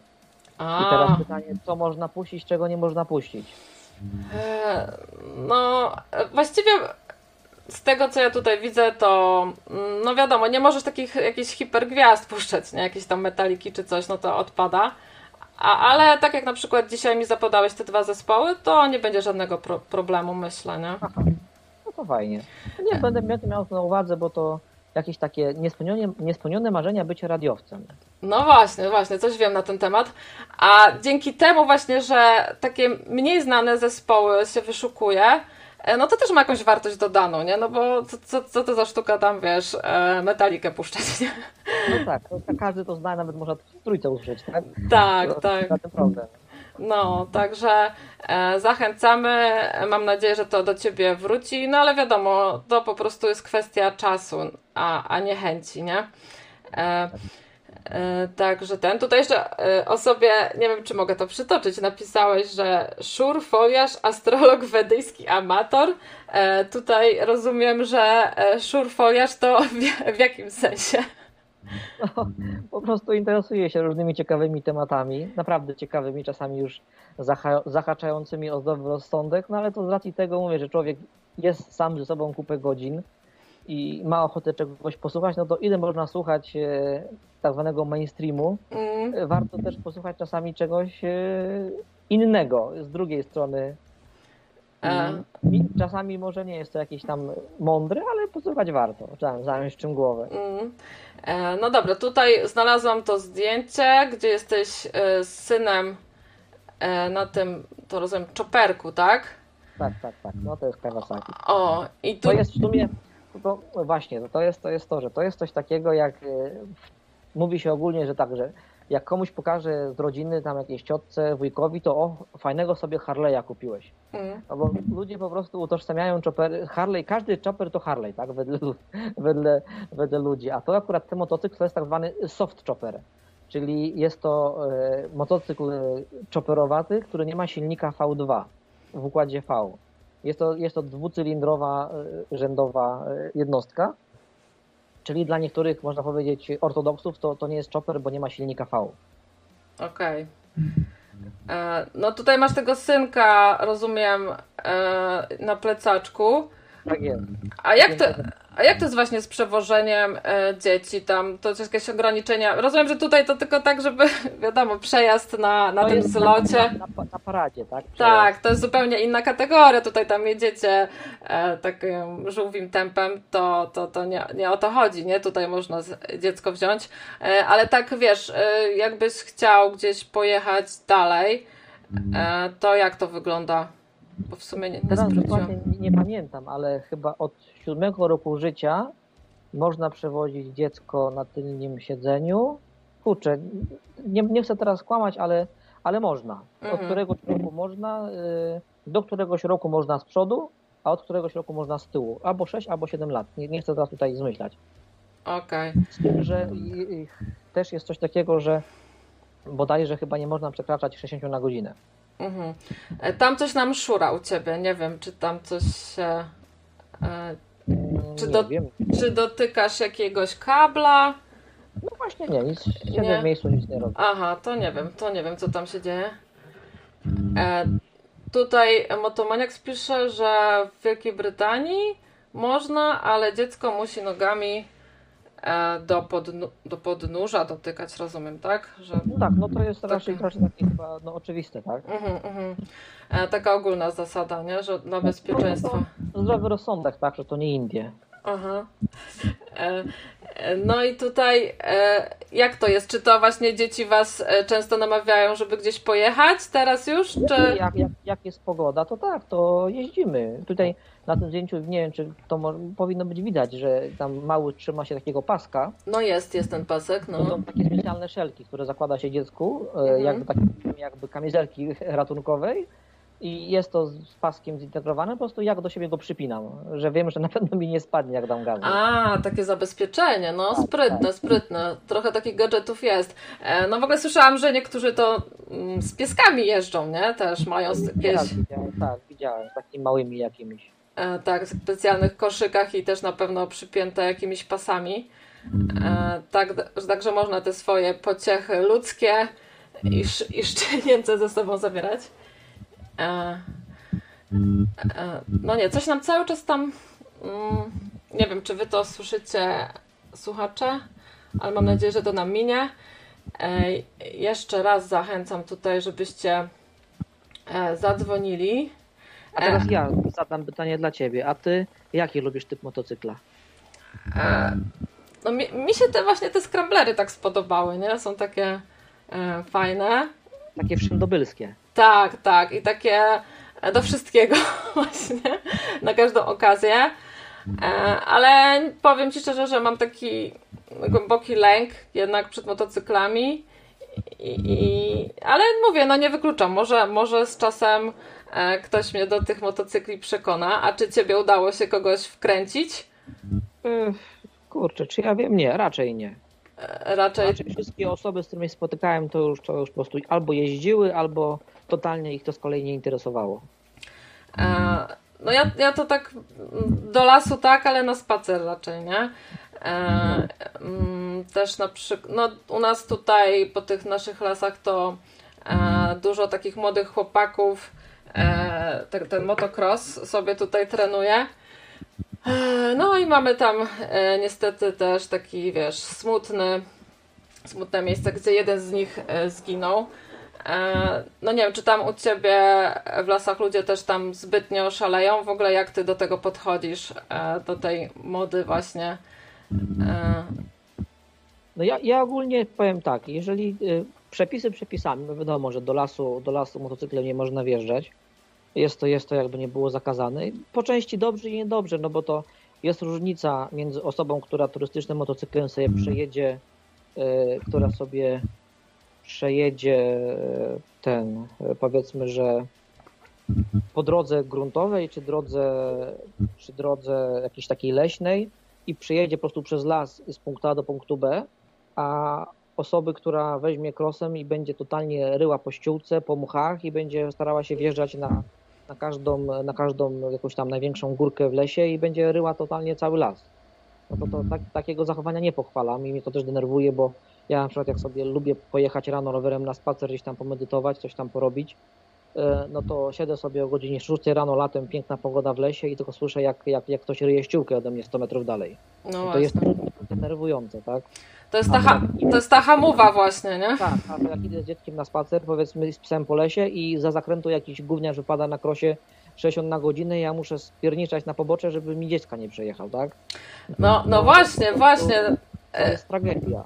E, to, to też czasami, e, no, czasami jest, mm, no, lepiej, no wiadomo, fajniej e, tam po prostu iść sobie do lasu, posłuchać natury, no ale czasami tam się weźmie słuchawki i się czegoś e, chce posłuchać, e, na przykład nocnego radia. E, no ale mam takie lęki, że wiesz, że nie usłyszę, kurczę i, i to, to taka już naprawdę głupia śmierć zginąć potrąconym przez motokrosowca w lesie, no ale może się to zdarzyć, no i tutaj u nas Niestety z kolei też jest sposób takie, wiesz, no, walki z tym, no, no ale też mega taki, nie wiem, no hardkorowy i, i nie pochwalam tego zupełnie. E, niektórzy rozwieszają takie linki, nie? Albo jakieś takie dziwne przeszkody robią, że tak, takąś kłodę po prostu e, na tą ścieżkę zwalają. E, No no i to też jest bez sensu, bo to jest tylko no, eskalacja jakiejś tam tragedii, nie? która się może wydarzyć. Przemoc, bo to później jest błędne koło. Motocykliści są później źli na ludzi, którzy jakieś dają e, na drogę przeszkody, a z kolei ludzie są źli, że oni są źli. I Mm. to jest błędne koło. E, No tak, tak. E, No ale z drugiej strony też na przykład raczej pewnie, e, nie wiem, zgłosiłbyś taką osobę, że tutaj e, jeździ, czy, czy nie bardzo? No bo jednak pewnie jest to ktoś, wiesz, z twojej okolicy i, i też jest taki opór. Ja, ja może jestem taki antyprzemocowy, ale raczej bym, bym starał się taką, taką osobę spotkać, znaleźć i totalnie z nią po, porządnie porozmawiać, ewentualnie, mówiąc brzydko, dać w łeb, Mm. ale raczej bym później nie zgłaszał. No, no, tak, najpierw, najpierw trzeba do ludzi. E, też jestem za. E, no dobra, słuchaj, też mi napisałeś tutaj właśnie, że jesteś e, astrologiem wedyjskim amatorem. Czy to był tylko żart, czy naprawdę się astrologią interesujesz? Interesuję się bardzo mocno, tak. Tak? Astrologią, e, medycyną chińską i alternatywną, takimi tematami. Aha, aha. E, I co, tutaj e, horoskopy piszesz, tak? Sprawdzasz? To, to, to właśnie to nie są. y, Może od, trzeba od tego zacząć, że ludziom, jak się powie słowo astrologia, to zaraz sobie kojarzą to z jakimiś śmiesznymi artykul, artykulikami z pani domu. Są przykłady typu, nie wiem, w niedzielę po południu baran y, będzie miał okazję wygrać 1000 zł. Mm. No, i no nie szokujmy się, tak? To nie jest astrologia. Y, To są pewne tendencje, pewne możliwe zbiory zachowań, które da się przewidzieć, no i, y, no i działa. Mogę powiedzieć, że no, par, z paroma osobami w życiu miałem do czynienia, parom, parom osobom nawet pomogłem, y, jeśli chodzi o jakieś tam y, zawiłości życiowe, także no, ja akurat y, widzę w tym jakąś tam y, dobrą rzecz, ale też no, powiedzmy, to trzeba czuć, tak? Nie każdy to czuje. Mhm. No ale dobra, czyli masz na przykład jakieś, nie wiem, chcesz podjąć jakąś decyzję ważną, to wtedy sobie, nie wiem, nie wiem jak to się robi w ogóle, e, czytasz sobie tak, jaki dzień byłby na to e, odpowiedni? To też nie tak. Astrologia wedyjska i tam na przykład astrologia zachodnia ewolucyjna to może jeszcze inaczej. Astrologia wedyjska opiera się głównie na wpływie księżyca na człowieka, jest to astrologia księżycowa, a nasza astrologia zachodnia bardziej e, odnosi się do astrologii e, słonecznej, do położenia planet e, i i do Słońca. Ja się jakoś tak bardziej skupiam na wedyjskiej, bo ona się jest bardziej dokładna. Jest to, mi się wydaje, nawet chyba starszy typ astrologii, jest, wywodzi się z Indii. I to nie jest tak, że na przykład ja, nie wiem, załóżmy, chcę sprawdzić, co się stanie w piątek, nie wiem, 13, tylko na podstawie godziny urodzenia, daty urodzenia i miejsca urodzenia, ja jestem w stanie powiedzieć danej osobie, jaki ona ma typ osobowości, jakie są tendencje w jego życiu, jakie możliwe zachowania i na co musi uważać, żeby w życiu nie popełnić błędów.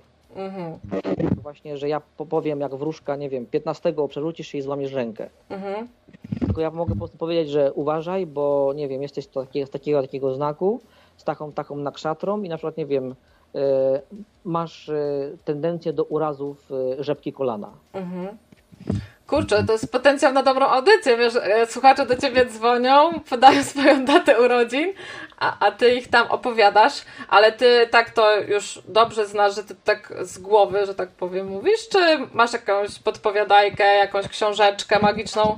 Jeszcze się posiekuję książkami, ale no to nie da się astrologii uprawiać e, z pamięci, bo to jest tak obszerny dział wiedzy, że jednak no, no trzeba mieć jakieś tam źródła i na Mhm. podstawie po prostu to wszystko robić. Mhm. E, a ludzie się do ciebie, jacyś znajomi zwracają, którym się, wiesz, potwierdziło to, co powiedziałeś? Czy tak się nie ujawniasz z tym? Ja to tak ogólnie z, z, z, powiedzmy, że nie traktuję, nie afiszuję się z tym. E, robię to jakby sam dla siebie, dla swojej przyjemności. A jak ktoś zapyta, z kimś tam porozmawiam, to staram się jakoś tam pomóc na tyle, na ile mogę, no bo faktycznie to się sprawdza i osoby, o których, o których y, tam, y, z którymi o tym rozmawiałem, no to powiedziały, że faktycznie miałem rację i że no, tendencje są takie, jakie są i że teraz wiedzą, co mają zrobić. Mhm. Astrologia na przykład to jeszcze nie jest wszystko, bo jest coś takiego jak human design. I to jest też kolejny system e, oparty na pewnym, na, to w sumie astrologia to jest astrologia, a human design to jest system oparty na astrologii, na chińskim I Chingu i na, kurczę, to powiedzieć, na wzorach psychologicznych zachowań człowieka. Mhm. No taka, bym powiedział, taka nowoczesna psychologia. Okej. No to myślę, że to na razie w tym miejscu skończymy i możemy kiedyś jakiś taki. zrobić jakąś taką audycję, że ty mi podasz godzinę, to jest bardzo ważne, co do, co, co do minuty, jeżeli, jeżeli to, jest, to jest najważniejsze. E, Podasz mi godzinę, oczywiście na priwa, na, na, na tym, nie, nie tu na, na audycji, godzinę urodzenia, miejsce urodzenia i datę urodzenia, ja wtedy będę w stanie coś tam ci powiedzieć i powiesz, czy, czy, czy mówię prawdę, czy nie. Okej. A, a, a mówisz, czy ta minuta jest urodzenia faktycznie taka ważna, czy na przykład e, jak masz dzień Że do kwadransu. do kwadransu, dobra. A, a co powiesz e, na takie, no powiedzmy, no nienaturalne narodziny jak e, cesarskie cięcie? Co wtedy? Jak to? Z naszego punktu widzenia wydaje to się nienaturalne, ale ty się urodziłeś wtedy, kiedy miałeś się urodzić. Aha, okej. E, Trzeba spojrzeć z tej strony, że nic się nie dzieje bez przyczyny. Okej, rozumiem. No dobra, to może właśnie tak trzeba to zrobić, że zebrać od chętnych słuchaczy, którzy chcieliby poznać e, właśnie swoją e, tą no teraz osobowość, tak? W, tej wersji ajurwedyjskiej zebrać te daty i miejsca urodzenia i wtedy ty przygotujesz i możemy sobie wtedy poopowiadać. E, no dobra, słuchajcie, zachęcamy cały czas do dzwonienia. A ja Ciebie chciałam zapytać, oczywiście tutaj Motomaniak pisze, że motor ma śmierdzieć benzyną. E, no i oczywiście musimy zahaczyć tutaj o te elektryczne plany względem e, naszych motorowych, motocyklowych zapędów. E, jak Ty podchodzisz właśnie do tych elektrycznych motocykli? Jeździłeś na czymś takim? Tak, tak. Miałem się okazję przejechać co prawda skuterem elektrycznym, ale takim nowej, nowoczesnej generacji, bo to był motocykl w tamtym roku i to był motocykl dwumiesięczny z najnowszej generacji silnikiem Boscha, y, który po prostu no, jechał bezszelestnie. Mm. Było no. wrażenie mocy, jaką może oddawać skuter i ogólnie jazdy było rewelacyjne, z tym, że no jakie mam podejście? No, po pierwsze, cała ta elektryfikacja nie może być nam narzucona, tylko musi to się stać naturalnym torem, gdzie lepsza, lepsza rzecz wyprze gorszą rzecz. Jeżeli będą ku temu przesłanki, będzie odpowiednia infrastruktura i nazwijmy to świat nadąży za tym wszystkim, no to jak najbardziej tak, tak, to jakby nie było jest rozwój. Ale w przypadku motocykli, gdzie to jest hobby właśnie, gdzie motocykl śmierdzi tą benzyną, gdzie akurat dla mnie to jest piękny zapach, a nie smród, i ten dźwięk, i te wibracje, to, to, to żaden elektryk nam tego nie da. Jeżeli mówimy o motocyklu jako o środku transportu, gdzie mieszkamy w dużym zatłoczonym mieście i musimy przejechać z jednego końca Warszawy na drugi do pracy, żeby nie było jak najmniej korków, jak najszybciej, i powiedzmy ruszamy spod domu, jedziemy tam te 15 minut, wsiadamy w pracy, pracujemy 8 godzin, to się nam ładuje i wracamy, nie odczuwamy, że mamy elektryka, czy go nie mamy.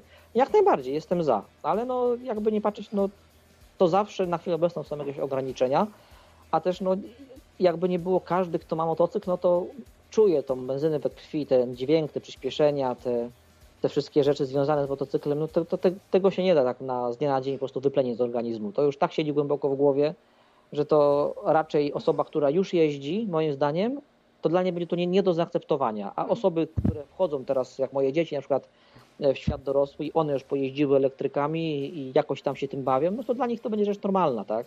No tak, tak, do tego młodego pokolenia na pewno. E, no mówię, żeby to, że to powinno się stać e, tak naturalnie, no ale wiemy, że to e, tak naturalnie wcale nie będzie, tylko po prostu, jeżeli chodzi na przykład o samochody, tak, e, już są tam dyrektywy unijne podpisane e, i wiadomo, że od 2035 roku nie będzie można na przykład samochodów e, benzynowych tak już rejestrować, ale rozumiem, że o motocyklach tam nic w tych dyrektywach nie ma na razie, nie? Moto... Na razie jeszcze nic nie ma, tylko, tylko chodzi o samochody. No, e, a jakby e, e, weszła jednak taka dyrektywa, że wiesz, zakaz, to jak myślisz, czy taka, taka społeczność właśnie tych motocyklistów byłaby w stanie tutaj jakoś się zbuntować? Coś by robiła? Znając polskie charaktery, to tak na pewno będzie, bo to no jednak to jest, jakby to kurczę powiedzieć, to jest coś, czego nie powinno nam dać się zabrać. Jak ktoś kocha to, co robi, chodzi o motocykle, lubi ten zapach i teraz nagle mu się to odbierze, no to protesty będą, nie oszukujmy się. Mm. To tak gładko to to nie przejdzie. Ca cały czas nam tutaj e, kurczę. Nie, wiem, czy wy to słyszycie, że tam właśnie coś u ciebie piszczy. No, bo ja cały czas trzymam e, w jednym miejscu kurczę, telefon. Aha. Słuchawki mam podłączone cały czas, nie, nie, nie siedzę, nie ruszam się. Nie ruszasz się. Próbować, nie wiem, wyjąć słuchawki, a po prostu wziąć telefon pod, do ucha, nie wiem, może będzie lepiej. E, no. Może inaczej, może, może teraz będzie lepiej, sekundkę, o. Aha. Przez komputera to może będzie inaczej. Adwokat pisze, że motocykle będą odbierane siłą. E, no właśnie, no bo tutaj już wielokrotnie mówiliśmy, że no to raczej to jest właśnie hobby, tak? No bo kiedyś, właśnie tam lata temu, tam lata 50., na przykład tak jak z moim dziadkiem rozmawiałam, e, no to on jeździł tym motocyklem, no bo e, nie było samochodów, nie było go stać na samochód i wtedy te motocykle to po prostu był tak, była taki sposób, żeby się tam dojechać do pracy, tak? No a teraz jest odwrotnie, tak? Mamy, mamy te samochody, a te motocykle to raczej są właśnie takie dodatki e, weekendowe e, na przejażdżki. E, no i myślę, że to będzie właśnie taki argument, że to wiecie, że to jest taki zbytek, nie? Taki motocykl i, i pewnie tutaj będą uderzać, żeby jednak e, żeby się ograniczać, iść, iść ten minimalizm. A, Zawsze można się do Indii przeprowadzić. słucham? Zawsze się można do Indii przeprowadzić. Tam od razu jeździ. Ale jak tam jeździć, słuchaj? Widzia, widziałeś, jak oni tam jeżdżą. Tak, ale jakoś jeżdżą. No. Wiesz co, chyba teraz jest gorzej niż było. Gorzej niż było, a to ciekawe. No, no. A spróbuję jeszcze inaczej. Moment. Czy teraz może będzie lepiej? O, teraz jest dobrze, teraz jest Dobra, spoko. no to, to zostawimy na bez słuchawek na telefonie. Mhm, teraz jest fajnie. Dobra, E, to super. E, a powiedz mi, czy e, tam, rozumiem, w tej miejscowości, gdzie mieszkasz, to tam po prostu wygodniej się. Tam nie ma znaczenia, czy ty samochodem jedziesz, czy motocyklem. Rozumiem, że tam nie macie jakiegoś e, dużego zagęszczenia, więc. Ojejku, zagęszczenie to jest tak małe, że mówię, no zachodnia Polska, tutaj gdzie ja mieszkam, okolice Świebodzina, Łagów Lubuski, to, to ten pas ziemi, powiedzmy, my tu się śmialiśmy zawsze, że y, jest Berlin, jest Poznań, a wszystko pomiędzy to jest pas ziemi niczyjej. Mm, e, Bo czy, po prostu to, to, to są same pola i lasy. mm, czyli dla takich e, właśnie ludzi, którzy lubią e, powiedzmy taką bardziej e, właśnie e, dzicz powiedzmy, to duże przestrzenie, tak? E, to... Ja powiem tak, że jak, jak ktoś już się przejeździł i przejadł Podlasiem, to zapraszam do nas, jest podobnie. Aha, tylko że bliżej e, do Berlina Tylko, że po prostu. bliżej do Berlina, tak. A no, także na Lubuskie e, polecamy. No ten zlot w Łagowie to też nad jeziorkiem fajnym. Tak, tak, tak. to, to Nie rozumiem. wiem, może byś, może byś pokazała, nie wiem, czy masz taką szansę, jakieś główne zdjęcie na, na audycji, jak, jak Łagów wygląda z lotu, ptaka, bo naprawdę jest uroczy. No to zaraz coś tutaj poszukam. E, a tutaj e, jeszcze z tego, co o sobie napisałeś, e, to jesteś antyklerykałem. Rozumiem, że z tego względu też nocne radio do ciebie bardzo przemawia, tak? Tak, tak, krawiec bliski memu sercu. poglądy tutaj podzielasz. No dobra, mówisz łagów z lotu ptaka szukać. No, jak wpiszesz sobie na, na Google, na, na, na grafice Łagów Lubuski, to jest tam od razu wyskoczy parę naprawdę ładnych zdjęć. Mhm. E, dobra, zaraz tutaj e, podłączę Wam e, zamiast tego filmiku. E, I tutaj, no nie wiem, może właśnie to jest błąd, słuchajcie, że my z, z tego kościoła się wypisujemy. Może kto jak kto, ale na przykład gdyby właśnie księża tutaj powiedzieli, że wiesz, e, motocykl spalinowy i samochód spalinowy to tutaj e, nasze prawo, e, to może to byłoby właśnie dobry adres, żeby tutaj coś. Wiesz, Słuchaj, ja tu akurat y, mówię, się za siebie wypowiadam, tak, ale jak popatrzysz na całą, nazwijmy to, brać motocyklową, no to y, jednym z największych zlotów w Polsce jest zlot na Jasnej Górze, rozpoczęcie i zakończenie sezonu. To tam się po prostu, tam są takie kolejki, że miasteczko jest prawie że sparaliżowane, cała Częstochowa, tak, tam tyle tego A. Czyli większość tutaj jednak e, katolicy. Tak, no jakby nie patrzeć, to no, no, jak żyjemy w Polsce, tak? No Większość tak. to jednak katolicy. No, e, także może, może też dlatego tam się nie pchasz w te, w te, w te kluby, co? No, możliwe. E, bliżej ci do nocnego radia. A tutaj jakiś taki pierwszy z brzegu znalazłam e, filmik e, łagów z lotu ptaka. E, no z lotu ptaka wszystko dużo ładniej wygląda. E, Ale no, wiesz, to, to, to co leci, to chyba nie jest łagów. nie? Bo w sumie w Polsce są trzy łagowe. Wpisz sobie łagów A, lubuski. dobra. To czekajcie. Tu nie ma chwilę. nigdzie jeziora. Dobra, czekajcie. E, To tutaj dobrze, że zachowujesz czujność. Łagów Lubuski. Dobra. Ale ten łagów to leci na filmiku też ładny. Okej, mam tutaj. Mam tutaj filmik. I faktycznie teraz już widzę jeziorko, więc powinno być ok. Mamy tutaj zamek Joannitów, bodajże z XIV wieku. O, to właśnie tutaj. Mhm. Zamek stoi notabene na sztucznej wyspie usypanej przez, e, przez templariuszy. E, Także polecasz łagów na wakacyjne Tak, tak. wypady. y, Jest bardzo, w ogóle w Lubuskim y, jest bardzo dużo jezior, tak? Jest, jest z Łagów, są Lubniewice, Sława, Mm, y, Międzyrzecz, no jest tego tu bardzo dużo. no, pięknie, O, pięknie. tak, tak, tak, to jest, to jest ten Łangów, tak, to jest to. Okej. E, To, no faktycznie fajnie, fajnie to wygląda. E, I rozumiem, że w trakcie zlotu kąpiele też się odbywają, tak? Oj, to i to jeszcze jak. Jeszcze jak... Tutaj, tutaj ludzie przyjeżdżają tak naprawdę na zlot w Łagowie, bo to jest właśnie to specyficzne, dlatego że y, ludzie tu przyjeżdżają na zlot, ale też przy okazji na wakacje, bo wiesz, są zloty na przykład organizowane w jakichś tam zamkniętych ośrodkach, gdzie jest kawałek jakiego, jakiegoś piasku, gdzie można się motocyklem powygłupiać, stoi rozstawiona scena, są budy z żarciem i to jest zlot, tak? Dwa dni powiedzmy tylko picia piwska i jedzenia kiełbasy z grilla. Mhm. No i to jest zlot.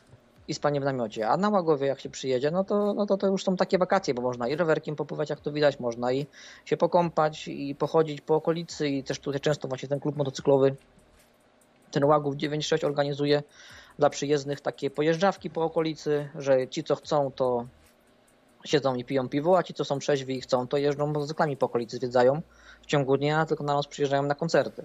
Aha, ale tam też są jakieś takie, nie wiem, konkurencje, gdzie się możesz zapisać, no, coś też to wszystko różne jest. jakieś tam Mhm. to- toczenie beczki, jakieś tam y, pijackie konkurencje, no jak na każdym zlocie jest tego dużo. Mhm, mhm, Okej, i ty czasami się tam zapisujesz? Wolna, a ja akurat, ja akurat się nie zapisuję, ale ten, ale jak na Woodstocku to, to parę razy brałem w tym udział. Mhm.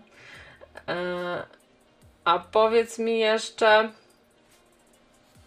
e, tutaj w tym Łagowie to ten klub, e, tak, organizuje 96. E, Rozumiem, że to nazwa jest od tej autostrady 96 w Stanach Zjednoczonych, ta nazwa, tak?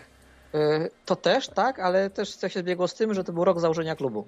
Aha, okej, okej, tutaj od, od razu wiesz, e, że to chodzi o to, ale no to, e, to fajna taka koincydencja była, e, że tak się zbiegło. No to już kawał czasu oni działają i, i no i tak jak widać to się zbiega z liczbą z tych zlotów, e, bo oni w sumie no to jest ich główna działalność, nie? Że oni ten zlot No i tak jak- organizują. I tak, I tak jak coś napisała, chyba to bodajże jest Jola, tak, tutaj na czacie, e, że właśnie bardzo dużo grzybów, to prawda, u nas jest bardzo dużo grzybów w lasach. A tu Ze Śląska, ze Śląska przyjeżdżają do nas na grzyby. A e, tutaj Lusek mi pisze, że ta autostrada to chyba 66, pewnie tak, 96. Jak wpisałam 96 w internet, to mi w ogóle jakaś gra komputerowa wyskoczyła, czy tam na PlayStation. E, e, to nie wiem, czy właśnie e, motocykliści w co grają i co oglądają? Jakiejś rzeczy. Gier, gier zbytnio nie ma za dużo o, o tematyce motocyklowej. Jakieś tam były takie zręcznościowe, no ale nie oszukujmy się, tak? Kto będzie grał w gry, jak można jeździć pojeździć? No tak, tak. To w gry to tylko grają osoby, które jakieś młode dzieciaki, które chcą coś tam poczuć, jakieś wyścigi, Mhm. ale tak, no to, to raczej nie, raczej w gry się nie gra, raczej No. po prostu się siada i się jedzie. A na, grze... Ewentualnie siedzi w garażu i, i, i się coś dłubie. Mhm. A na grzyby jeździ się e, motocyklem, czy nie bardzo? Jak ma się 60 lat i, i doneta i, i się powiesi wiadereczko na kierownicy, to można pojechać na grzyby. Okej, okej. No dobra, słuchajcie. To dajemy Wam jeszcze tutaj 10 minut, jakbyście mieli ochotę zadzwonić. A będziemy powoli kończyli. E, Chyba, że tutaj chciałeś jeszcze o czymś powiedzieć, czy co tutaj Cię nie zapytałam. Co? Ojejku, no o czym tu można powiedzieć? No to jest, to jest, mówię, roz, rozmawiać o motocyklach to jak czytać o muzyce. Mhm. No tak, tak. Trzeba po prostu To, to, wsiąść to, i jechać. trzeba, to trzeba po prostu poczuć, bo to Mm. jest takich dużo śmiesznych powiedzonek, tak? I na przykład jednym takich, który lubię, to jest, że, że samochodem to, to podróżuje e, ciało, a motocyklem podróżuje dusza. O, no tak, kojarzy się z wolnością taką, nie? E, także, no i teraz e, wiosna się zbliża, więc to jest dobry moment, żeby się na czymś takim zastanowić, bo niedługo sezon e, otw- otwieracie. E, Jak akurat, jak miałem te motocykle takie właśnie turystyczne enduro, no to praktycznie nie było końca sezonu. Jak tylko nie było śniegu, to się jeździło. Bo Mm. ciuchy, ciuchy motocyklowe są teraz tak dobre już, że one praktycznie prawie jak ciuchy narciarskie, do minus tam 15-20 stopni jest cieplusieńko, to można jeździć, to już nie jest problem. E, Ale to mówię, to motocykle enduro, bo one są tylko tak do jazdy po błocie przystosowane. No. Odpowiednie opony i, zima nie straszna. A jednak jak tu mam takiego teraz czoperka, no to, to powiedzmy każdy wyjazd w niepogodę to później jest dobra godzina czyszczenia. mhm. e, no właśnie, to rozumiem, że na te ciuchy motocyklowe to osobna szafa w ogóle. E, Tak, i- no właśnie ja, tu- ja tu siedzę teraz w garażu, bo tam, żeby, ja ogólnie głośno mówię, Mhm. żeby dzieciaki mogły spokojnie spać, no to tutaj siedzę w garażu i właśnie siedzę koło szafy. I cała szafa tylko na, cała szafa tylko na motocykl, na, na kurtki, spodnie, kaski. Mm. Czyli dzisiaj audycja garażowa. Dzisiaj garażowo, tak. No i fajnie. Em, To mi właśnie żona ziółka przyniosła, wypiłem i, i dalej siedzimy. I, i siedzimy. E, co wy tutaj jeszcze piszecie? Czy bezpiecznie jest odmawiać różaniec podczas jazdy motorem do Częstochowy? No to też No, może, i bez, może i bezpiecznie, nie wiem, co, co kto lubi. no, e, no na, na pewno ustaliśmy, że w samochodzie podróżuje ciało, ale za to można muzyki posłuchać, no bo na motocyklu to raczej nie bardzo. A ja wiem, mi się wydaje, że można. Bo Tak? właśnie o to trzeba też tak rozgraniczyć, no bo jeżeli jedziemy motocyklem sportowym, gdzie, y, czy nawet takim, który ma duże osiągi, takie konkretne i sobie jedziemy 160 na godzinę po drodze krajowej i musimy mieć oczy w dupie, żeby nie było żadnych radarów, żeby nikt nam z boku nie wyjechał, żeby nie było policji, no to raczej ta muzyka będzie przeszkadzać i, i będzie jakoś tam tą naszą koncentrację osłabiać. Ale jeżeli sobie jedziemy spokojnie, pyrkamy jakimś tam fajnym motocyklem i sobie jedziemy 100 na godzinę, nogi do przodu, y, wiatr we włosach, no to ta muzyka sobie może spokojnie lecieć. Nawet takie motocykle jak Honda Goldwing, jak Harley, Harley, y, kurczę, zapomniałem teraz nazwy, Harley Road y, King bodajże, Indian Chief Train, one mają wbudowane radia, radia i nawigację i dobry system audio, także w czasie jazdy sobie można spokojnie nawet radia posłuchać. Mm. Można sobie nocnego radia posłuchać. Można. No i wynika z tego też, że motocykliści to się cieszą z ocieplenia klimatu. można, tak, można tak powiedzieć, tak. Mniej dni ze śniegiem, więc e, automatycznie ten sezon się wydłuża. E, no tutaj u, mnie to akurat e, właśnie zima wróciła. A jak tam w Lubuskiem? No dzisiaj akurat padał grad. O, no, no z gradem to jest pewnie problem. Mieliście właśnie takie jakieś przygody, że was złapało, wiesz, grad, czy, czy, czy jednak patrzycie zawsze y- w tą prognozę pogody? Mieszkając tutaj w Polsce, to bez problemu jesteśmy na tyle tą pogodę w stanie przewidzieć, że raczej nas taki deszcz nie zastanie, ale jak się mieszkało w Irlandii, to tam były takie, takie miesiące, że były cztery pory roku każdego dnia. Mhm. I nawet jak wyjechało się z domu w słoneczną pogodę, nie było, nie było gwarancji, że, że się wróci suchym do domu. Rozumiem. A powiedz mi, a takie e, dalsze jakieś e, wypady właśnie typu, wiesz, objechać Islandię motocyklem, e, czy tam choćby Bornholm, to, to macie? Czy, czy, czy już zaliczyliście? Na razie, wygląda? na razie z racji tego, że, że dzieci są jeszcze małe, bo to tam jest 10 i 8 lat, no to jeszcze taki wiek, że jeszcze się raczej nie zostawia tak dzieciaczków w domu. Mhm. Y, No to nie jeździmy daleko. Tutaj mówię, skupiamy się na turystyce tutaj w koło, jakieś bliskie zloty. y, Tak, tak w sumie to czy jakiś wyjazd. No, chcielibyśmy do Czech pojechać na pewno. y, Gdzieś na, na no, ogólnie Polskę byśmy chcieli trochę bardziej zwiedzić. Podlasie, tutaj właśnie Kaszuby. Chcielibyśmy pojechać na ten, do Krakowa, nad Solinę. No, no, no jest, tak, jest gdzie w Polsce jeździć. Nam, że tak mo- może powiem inaczej. Ja w pracy, jak jeżdżę, już mam tyle pięknych widoków za oknem, że chciałbym teraz troszkę Polski zwiedzić. Mm, No tak, Europę masz zjechaną, tak? Tak jest, praktycznie całą. No to teraz. No i zresztą chyba od tego lepiej z dziećmi zacząć od Polski, nie? Zanim się gdzieś Tak, tam dalej tak. pojedzie. Bardziej, bardziej tak nas kręci jak coś, to taka turystyka kamperowa. E, Mamy, mamy taki samochód rodzinny, takiego vana. Myślimy, żeby sobie dokupić taki, taką przystawkę namiotową do niego, jak się otworzy tylnią klapę. Mhm. No i trochę z dziećmi pojeździć tym samochodem. Że mamy też dwa, dwa duże psy, to raczej na, na motor się ich nie zabierze. Mm. Ewentualnie jakaś przyczepka do tego kampera, tak? I wtedy te Też, motocykle też, tak, i tak. wtedy. No Ostatnio nawet się śmieję, bo w tamtym roku chcieliśmy kupić taką starą polską niewiadówkę po remoncie, ale nam gościu sprzątnął sprzed nosa. Aha, aha. A co to jest niewiadówka? Przyczepa niewiadów, taka, A. nie wiem, czy kojarzysz, taka polska przyczepa kempingowa z Perelu, taka malutka. A, to chyba wiem. No, no, no. Du dużo tego jeździło po Polsce Mhm. w tamtych czasach i teraz właśnie jest taka jakby wraca na to moda. Ludzie to, od, kiedyś one były tylko w jednym kolorze takim budyniowym, tak, te przyczepki. Mhm. A teraz właśnie ludzie kupują te przyczepki, malują na kolory jakieś smerfowe, groszkowe, e, pomarańczowe, dają ładne firanki, robią kuchenki. No cuda na kiju. No, tak, tak.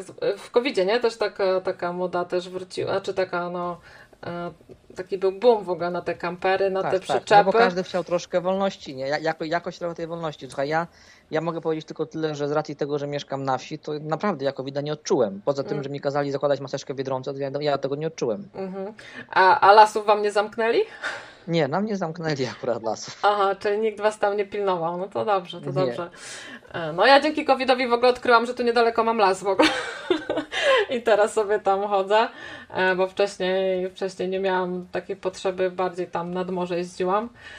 E, No ale właśnie tak, z braku laku, nie, to wtedy się odkrywa te swoje tutaj rejony. Także też są jakieś pozytywy po tym covidzie. Em, No dobra, słuchajcie, będziemy chyba powoli kończyć. Półtorej godziny minęło. E, tutaj e, na koniec e, też Gandalf dla Was wybrał piosenkę e, zespołu The Hell Freaks Hit Me Where It Hurts. E, a co to za zespół? Coś wiesz o nim? Czy tak po prostu ci. Zespół jak zespół, no. Po prostu. No, To jest zespół, który gra ciężką muzykę. no. Ja, ja wyczytałam, że to jest jakiś węgierski zespół. Tak, tak. I, i, i do, dowiedziałam się o istnieniu takiego stylu jak horror punk. No. tak, Naprawdę, temat w ogóle muzyczny to, to jest tak przebogaty. Tych, teraz się tyle narobiło tych, tych, tych e, gatunków muzycznych, podgatunków, stylów. tak. To przyprawia zawód głowy. Ja myślę, że na ten temat to pewnie jakieś kierunki studiów już są, nie? Na, na nadawanie i tworzenie Tak. tych stylów w muzyce. E, także tak. E, na koniec zespół The Hell Freaks e, w stylu horror punk. E, też tutaj z playlisty Gandalfa. E, no i słuchaj, ja Ci dziękuję za te półtorej godziny. No pewnie za mało było tych technikaliów, no ale tak jak Ci już Cię uprzedzałam, że ja tutaj, wiesz, nie ukrywam, nie znam się i nie jestem w stanie jakiegoś konstruktywnego pytania za bardzo zadać. Ja to na zasadzie taki ładny motor, bo niebieski, nie? No to wiesz. Tak, ładny po szybki.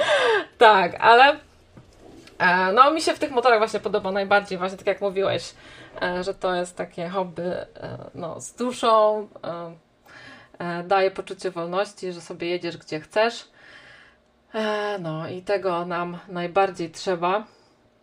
Ty tam wspomniałaś, że, że jakoś tak nie masz e, zaufania, że się boisz, to jedyne co polecam to samemu pójść na prawo jazdy.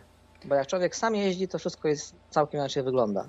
E, Po Nie, odważyć się i spróbować. E, Powiem Ci szczerze, że jako plecak to bym chyba w ogóle nie wsiadła, nie? To, to w ogóle odpada zupełnie. To tak jak mówisz, to, e, to tylko ewentualnie, że właśnie jakiegoś dobrego instruktora e, i sobie poćwiczyć.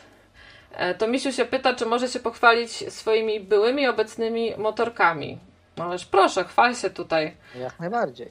Gandalf cię tutaj na pewno skomentuje, bo ja to, to nie. E, Nie wiem, czy chcesz jakieś zdjęcia powysyłać, czy po prostu się opisać. E, A, będą zdjęcia. Uwaga, to Misiu prosto z Ameryki nam tutaj zdjęcia wysyła. To pewnie zaraz tutaj wrzucimy. No, z chęcią zobaczę. E, No, także tutaj będzie to Misiu e, na swoim. Pewnie Harley. Zaraz zobaczymy. Czekajcie, niech ja sobie tutaj to dodam. Pewnie Harley mówisz. Jest to misiu. Jakby nie była amerykańska, amerykańska legenda. No. A, czekajcie, tutaj ten. I no, lecą, Ale- lecą tu od to misia zdjęcia. E, Harley'e mają coś w sobie, bo właśnie a propos technikaliów. E, Harley'e mają wyjątkowy e, kąt rozwarcia cylindrów i przez to ich dźwięk jest nie do podrobienia. Wszystkie motocykle japońskie e, mają dźwięk silnika z wydechu, jak to się mówi, a Harley'e mają dźwięk z silnika. Po prostu one inaczej brzmią. E, Kąt wykorbienia powoduje to, że one mają taki charakterystyczny bulgot i wibracje, których nie da się z niczym innym pomylić. Jak Mm. jedzie Harley, to wiadomo, że jedzie Harley. Mm. A, tutaj macie to misia. Nie wiem, czy ty już widzisz. No sekundkę, bo pewnie zawsze jest opóźnienie, nie? Na, na audycji. To jest jakiś Indian. A to to misiu, Indian, no to też, też amerykański motocykl, bezpośredni konkurent Harley'a. to to misiu tutaj e, opowiadaj na czacie. e, co ja tutaj wrzuciłam e, i, i kiedy może tutaj nim jeździłeś, bo mówiłeś, że to obecne i przeszłe twoje nabytki. Och, bardzo, bardzo ładny motocykl, tak. No i, i fajny kierowca, nie? Nasz e, korespondent e, z Ameryki. No właśnie, to mi się spóźnione życzenia urodzinowe, bo tam e, zobaczyłam, że miałeś w połowie lutego urodziny. Także tutaj dla naszego korespondenta z USA najserdeczniejsze życzenia. E, A żeby... nie wiem, tam, tam też. A dobra, to skończ dobrze, ja zaraz coś powiem jeszcze. Nie mów, mów, ja już skończyłam. Nie, ja chciałem powie powiedzieć, że tam też w tych zdjęciach, co ci wysłałem, to jest też jeden Harley, który miałem się okazji przejechać na dniach otwartych e, Harley'a w Szczecinie w salonie. To też jest. pe- Pewnie, pewnie to Misiu będzie wiedział, jaki to model, jak zobaczy. Aha, czekaj, bo tutaj mi, kurczę, słabo te zdjęcia mi tutaj wskakują. E, czekajcie chwilę. E, Czarny Harley z czerwonym napisem na, zbiorniku 48. Dobra, to czekajcie, zaraz wam tutaj to znajdę też. A tutaj po, po kolei jeszcze te e, to misia zdjęcia spróbuję wam pokazać. E, mówisz e, znaleźć jeszcze tego. Mm, o, czekaj, o, dzwoni ktoś. Halo, halo. Mamy Irka na linii. Słyszymy się? No witam O, hej, hej. Hej, cześć. e, do ciebie. E, Powiedz mi jedną rzecz, a jak ty tłumaczysz swoim młodym e, o bezpieczeństwie? Bo mój też tam lubi sobie trochę pomykać. Ma 14 lat, kupiłem mu motorka, skuterka. Aprilę 50, tak nawet fajnie bryka. Ale tego, ale no kiedyś może będzie chciał coś większego. I tego. I to tak zawsze jest ten dylemat między No. fajnym sportem a bezpieczeństwem, tak? Tak, no, no to prawda, no tylko wiesz, to, to tak jak w życiu, tak? Y, Można sobie kurczę kupić inaczej. Jeden sobie kupi sportowe Ferrari, będzie jeździł całe życie, a drugi sobie kupi y, Tico, wyjedzie za dwa zakręty i się na drzewie rozwali. No na to nie ma zasady. Jeżeli, jeżeli dziecku się od inaczej, jeżeli od dziecku od najmłodszych lat y, się pokazuje, jak to działa, jak trzeba o siebie zadbać, jak, jak, jak trzeba podnieść poziom swojej świadomości, no to teoretycznie z jego winy e, nic się nie powinno stać, ale jeżeli już chodzi o takie rzeczy jak inne osoby na drodze, no to już na to niestety wpływu nie mamy. To się może stać wszystko i, i zawsze. No niby tak. Możesz mieć rację. Ale Po pierwsze uświadamiać, uświadamiać, uświadamiać, jeszcze raz uświadamiać i w miarę możliwości po prostu jeździć.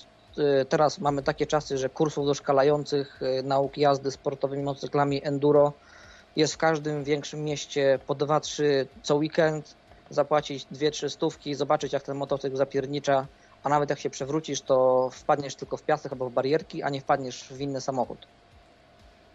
no niby tak. Gdzieś mój ma chyba zamiłowanie bardziej gdzieś ogląda y, sobie. Y, takie rzeczy. Bardziej A wiesz, tak to- to- to- spokojnie, wiesz. Chopery to wiesz, to, to, to jest ogólnie motocykl, tak? Motocykle mają to, to, to do siebie, że się przewracają.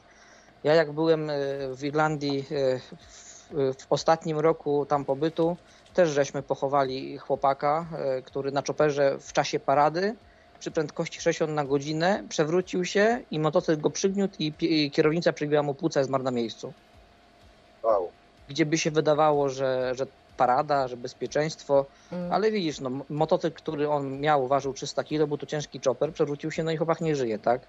I, I co z tego, że nawinął dziesiątki tysięcy kilometrów po całej Irlandii, jeździł z Irlandii do Hiszpanii tym chopperem, do Norwegii chciał jechać, jak na jednym zlocie na prędkości naprawdę po, powolnej chłopaka e, zabrało. Nie, nie, ma, nie ma, że tak powiem, e, tutaj żadnego na to wpływu. Co ma być, to będzie. Jeżeli ma jeździć, to będzie jeździł, tak? A jak to się mówi, jak ktoś ma pecha, to i na niego w drewnianym kościele cegła na głowę spadnie, tak?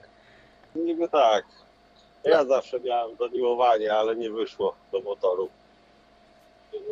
Najpierw Nigdy na to, na to nigdy nie jest za późno. No może i tak, ale zawsze jest coś wcześniej. Znam osoby z internetu, które mają po 50 lat, 55 i dopiero teraz swoją przygodę zaczął i, jeżdżą mi sobie chwaną. I tylko żałem, że tak późno. A, to nie chodzi o wiek, chodzi o to, że zawsze na coś brakuje. Też jeżdżę ciężarówką, podobnie jak ty. No, ale teraz są takie czasy, że, że można kupić nawet motocykl za 3000 japoński i on będzie jeździł. A da tyle samo przyjemności, co nowy za 30 tysięcy. Tak. Tak, byłem ciekaw to, jak dzieciom tłumaczyć. I tego, także. Ja staram się, chowa, ja staram się chować dzieci z żoną po prostu w taki sposób, że y, jesteś kowalem swojego losu i to, jak ty będziesz w życiu postępował, ma realny wpływ na twoją przyszłość. I jeżeli będziesz y, zachował się głupio, to poniesiesz tego konsekwencje. No tak, ale wiesz, no Tak. chciałam wrócić do tej kwestii, co Irek podniósł jednak z tym bezpieczeństwem, no bo no wiadomo, co innego sobie kupić tutaj, e, wiesz, jakiegoś tam scramblera, tak, taki bardziej turystyczny motor, a co innego ścigacza, nie? No i dobra, i twój syn ma tam, nie wiem, 18 lat, czy tam 20 i, i mówi ci o twoich swoich planach, że chce sobie kupić ścigacza, no i co robisz? Do mnie mówisz, tak? Tak, tak. Mhm. No to nie widzę z tym żadnego problemu. Yy, Mieszkamy blisko Poznania. yy, Kupuję sobie też sporta, jedziemy na tor, płacimy 2000 zł za dwa weekendy i jeździ i się uczy. I ja mam pewność, że ja w swojej ojcowskiej jakby takiej mądrości zrobiłem wszystko, co w mojej mocy, ale Mhm. tak jak mówię, na to, co się stanie, ja nie mam wpływu. To niestety trzeba zaakceptować, że to jest życie i się różne rzeczy mogą zrobić, ale ja mogę spać spokojnie, że zrobiłem to, co mogłem najlepiej. Wyuczyłem, a reszta już jest w jego rękach. No to może właśnie pomysł z tym właśnie, żeby go gdzieś zabrać na jakiś tor albo do nauki jazdy jakiejś. Tak, tak, jest tego, jest tego naprawdę dużo i nawet mało tego. Teraz są takie szkółki nauki jazdy, że mają swoje motocykle poubezpieczane, że nawet nie trzeba jeździć swoim, tylko można jechać tam i jeździć na ich motocyklach. Mhm. No ja to wiesz, jestem tak ze wschodniej granicy, tutaj bliżej Terespola, Biała Podlaska. Rozumiesz, u nas to tak niedobór wszystkiego jest, a bynajmniej wszystko. Nie, nie ma tego, co trzeba. A, a ile masz do Białego Stoku? Yy, około 160 tam, 150. No to w Do Białym Lublina mam Stoku, 130. no, a do Warszawy co, 100, 120? No coś takiego, 130. No, 100. No to w Warszawie jest, jest dobry tor. W Białymstoku już też jest tor. W, w Rzeszowie Tak? chyba też już jest tor. Tak, już są tory wyścigowe. Naprawdę do torów inaczej. Tor motocyklowy do nauki techniki jazdy to nie musi być tor, który ma ogromną powierzchnię jak do Formuły 1, bo motocykle tak szybko te prędkości rozwijają, że te tory nie muszą być długie. A techniki jazdy się uczy prawda, na zakrętach. Na prostej każdy głupi szybko pojedzie. No niby tak, to fakt. To właśnie jest to, podstawa nauki jazdy techniki, nauczyć się dobrze wchodzić w zakręty i nie panikować. Podstawa. A potem to wszystko już samo przyjdzie. No i wiadomo, tak, jeżeli ktoś kupuje motocykl, e, nawet jak kupi sportowy, który ma 200 koni, ale będzie jeździł zgodnie z przepisami, to jest duża szansa, że sobie krzywdy nie zrobi. Nie, no to masz całkowicie rację, wiesz, najgorsze jest to w roli rodzica. Ja go rozumiem, ja go popieram, bo ja sam chciałem, e, no, jeździć, a że wyszło jak wyszło, e, to ten, e, ale wiesz, wiek wstępujący, 18 lat, 20 lat, kiedy wiesz, łeb do dołu i do przodu, że tak powiem. Tak, ale słuchaj, powiem ci, nie chciałem, żeby to zabrzmiało zbyt pompatycznie, ale w pewnej takiej książce wyczytałem, że e, dziecko w domu rodzica to jest dar. Przyjmij mnie, zaakceptuj, wychowaj, wychowaj i pójdź dalej wolno w świat. Niech samo pisze swoją książkę. I nic więcej nie możesz zrobić. Ale czy na pewno na ścigaczu? Tutaj to misiu mówi, że synowi by on jednak na ścigacza nie pozwolił. Nie mój, sorry, że ci wetnę. Nie mój, a akurat mówiąc o swoim młodym, to y, on bardziej na czopera, nie na ścigacza. A, no to On dobrze. bardziej nawet posturę po, po tatusiu, wiesz, jemu tak ścigacz. No to tak, już nie będę się wyrażał niby do 20 ten, ale tego, ale no już ten. Także wiesz, on nie- wyglądałby dostojnie na, ścig- na, tym, na ścigaczu. Na czoperze jednak to wizerunkowo lepiej. No właśnie. Słuchaj, panowie w średnim wieku z brzuszkiem na ścigaczach to nie jest żadna nowość. Naprawdę dużo chłopaków jeździ z brzuszkiem i sobie bardzo dobrze radzą. Może i tak, wiesz, ale zawsze y, finansowy jest coś ważniejszego, coś pierwszego, coś bardziej i coś trzeba, wiesz, no jednak nie zarabia się tyle na tych ciężarówkach, żeby tak można było sobie na, na wszystko pozwolić. Norma, normalna sprawa. i Słuchaj, tak dalej. możesz tak. Zaoszczędzić na mięsku, bo i tak musimy się przyzwyczaić, żeby ograniczyć mięsko, wiesz, to mniej mięska, e, więcej e, mąki i może tak odłożysz, żeby słuchaj. Dużo robaków można sobie pokonsumować. Tak, trochę, Tak. trochę, Nie, chrząszczy, trochę chrząszczy nazbierać, tak. No, ewentualnie na szybkiego głowę przez okno wystawić, trochę się nałapie. No, no właśnie. Tutaj właśnie motocykliści to chyba mają opanowane, co? Jedzenie komarów i much. Ja już No nieraz muchę w czasie jazdy połknąłem, bo ja jeżdżę w kasku otwartym, to już niejedną muchę nosem wciągnąłem, a buzią wyplułem w czasie jazdy. Mm, No dobra, może ktoś jeszcze będzie chciał zadzwonić, nie będę zalegał na ten, także pozdrawiam. No, to dzięki. Brać y, z ciężarówek również, No. między innymi, to też No. śmigam, także właśnie, właśnie wracam. Jeszcze dwa dni i będę. Mm, To spokojnie wracaj. Dzięki za telefon. No życzymy No, ci, no, żebyś, dzięki. żeby ci się udało w tym roku, w tym 2023 odłożyć coś na jakiś fajny motocykl. E, No i pewnie zapraszamy na tą audycję trackerską tutaj do e, współ tutaj e, opowiadania o historiach z ciężarówek. To myślę, że też będzie dobry temat.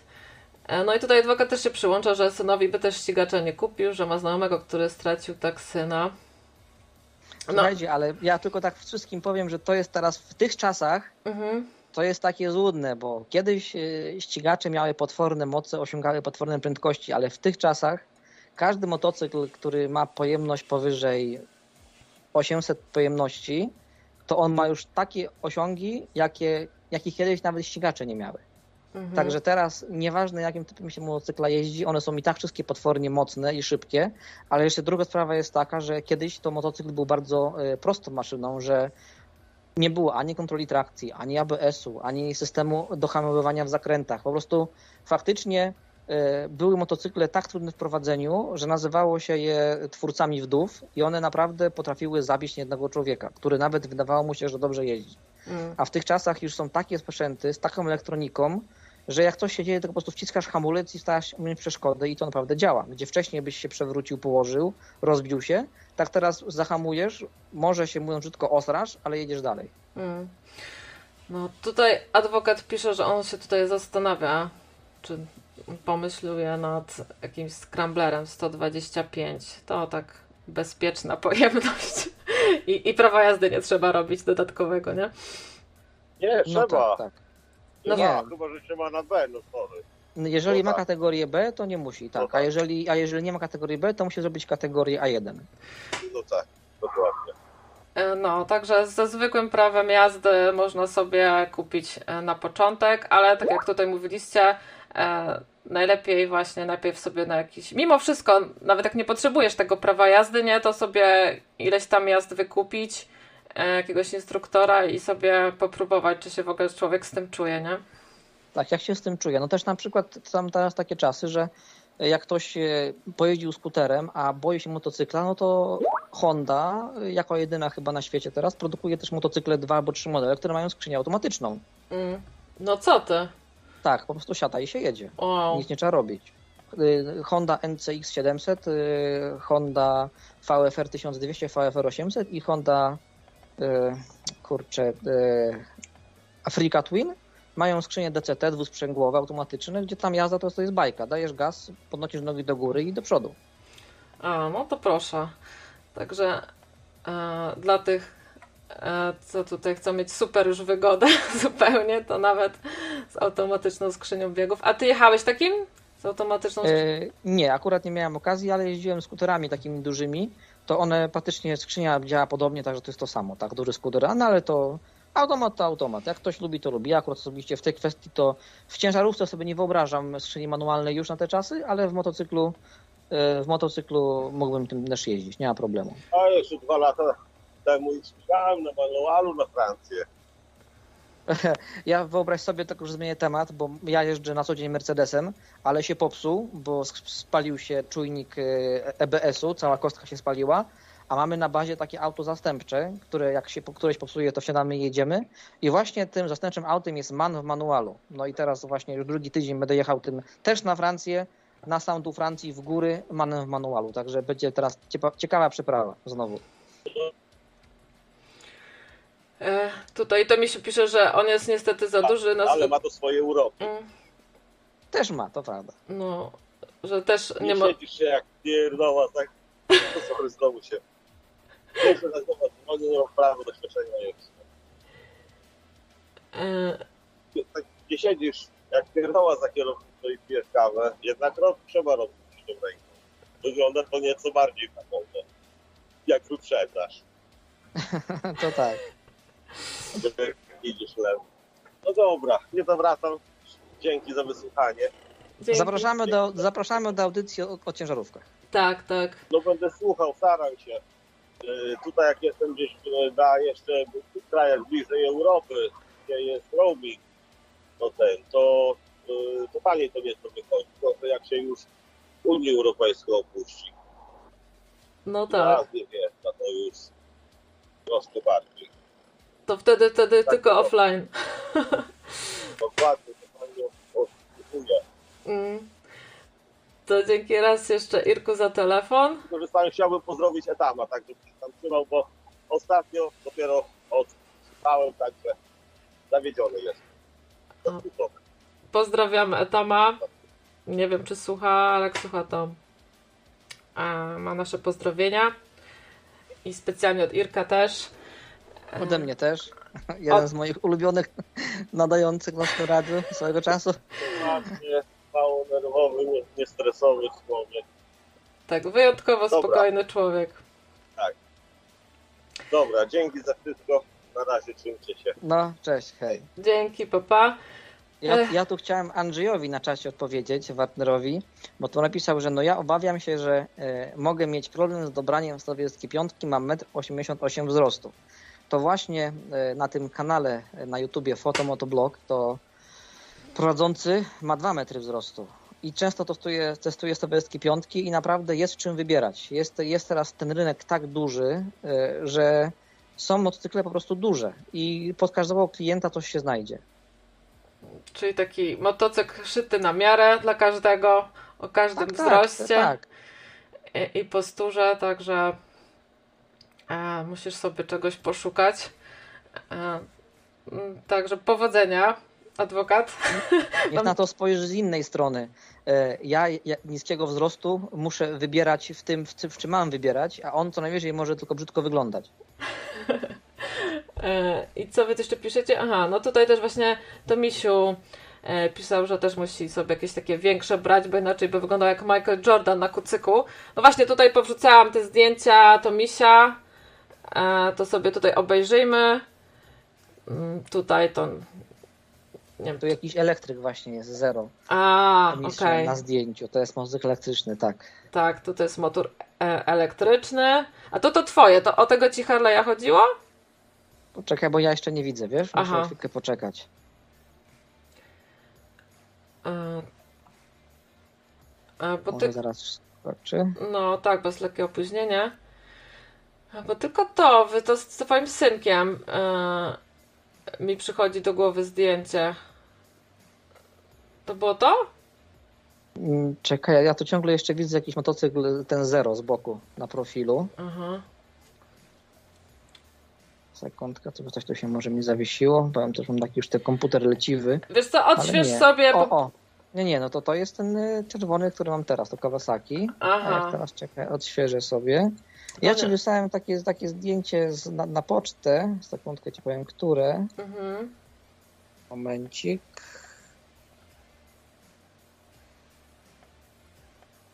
Chociaż teraz mi się z kolei idziemy i zawiesił. Mówię, jak to zwykle elektronika. Właściwych rzeczy martwych. No, a tutaj mam jeszcze jedno zdjęcie z kolei od Tomisia.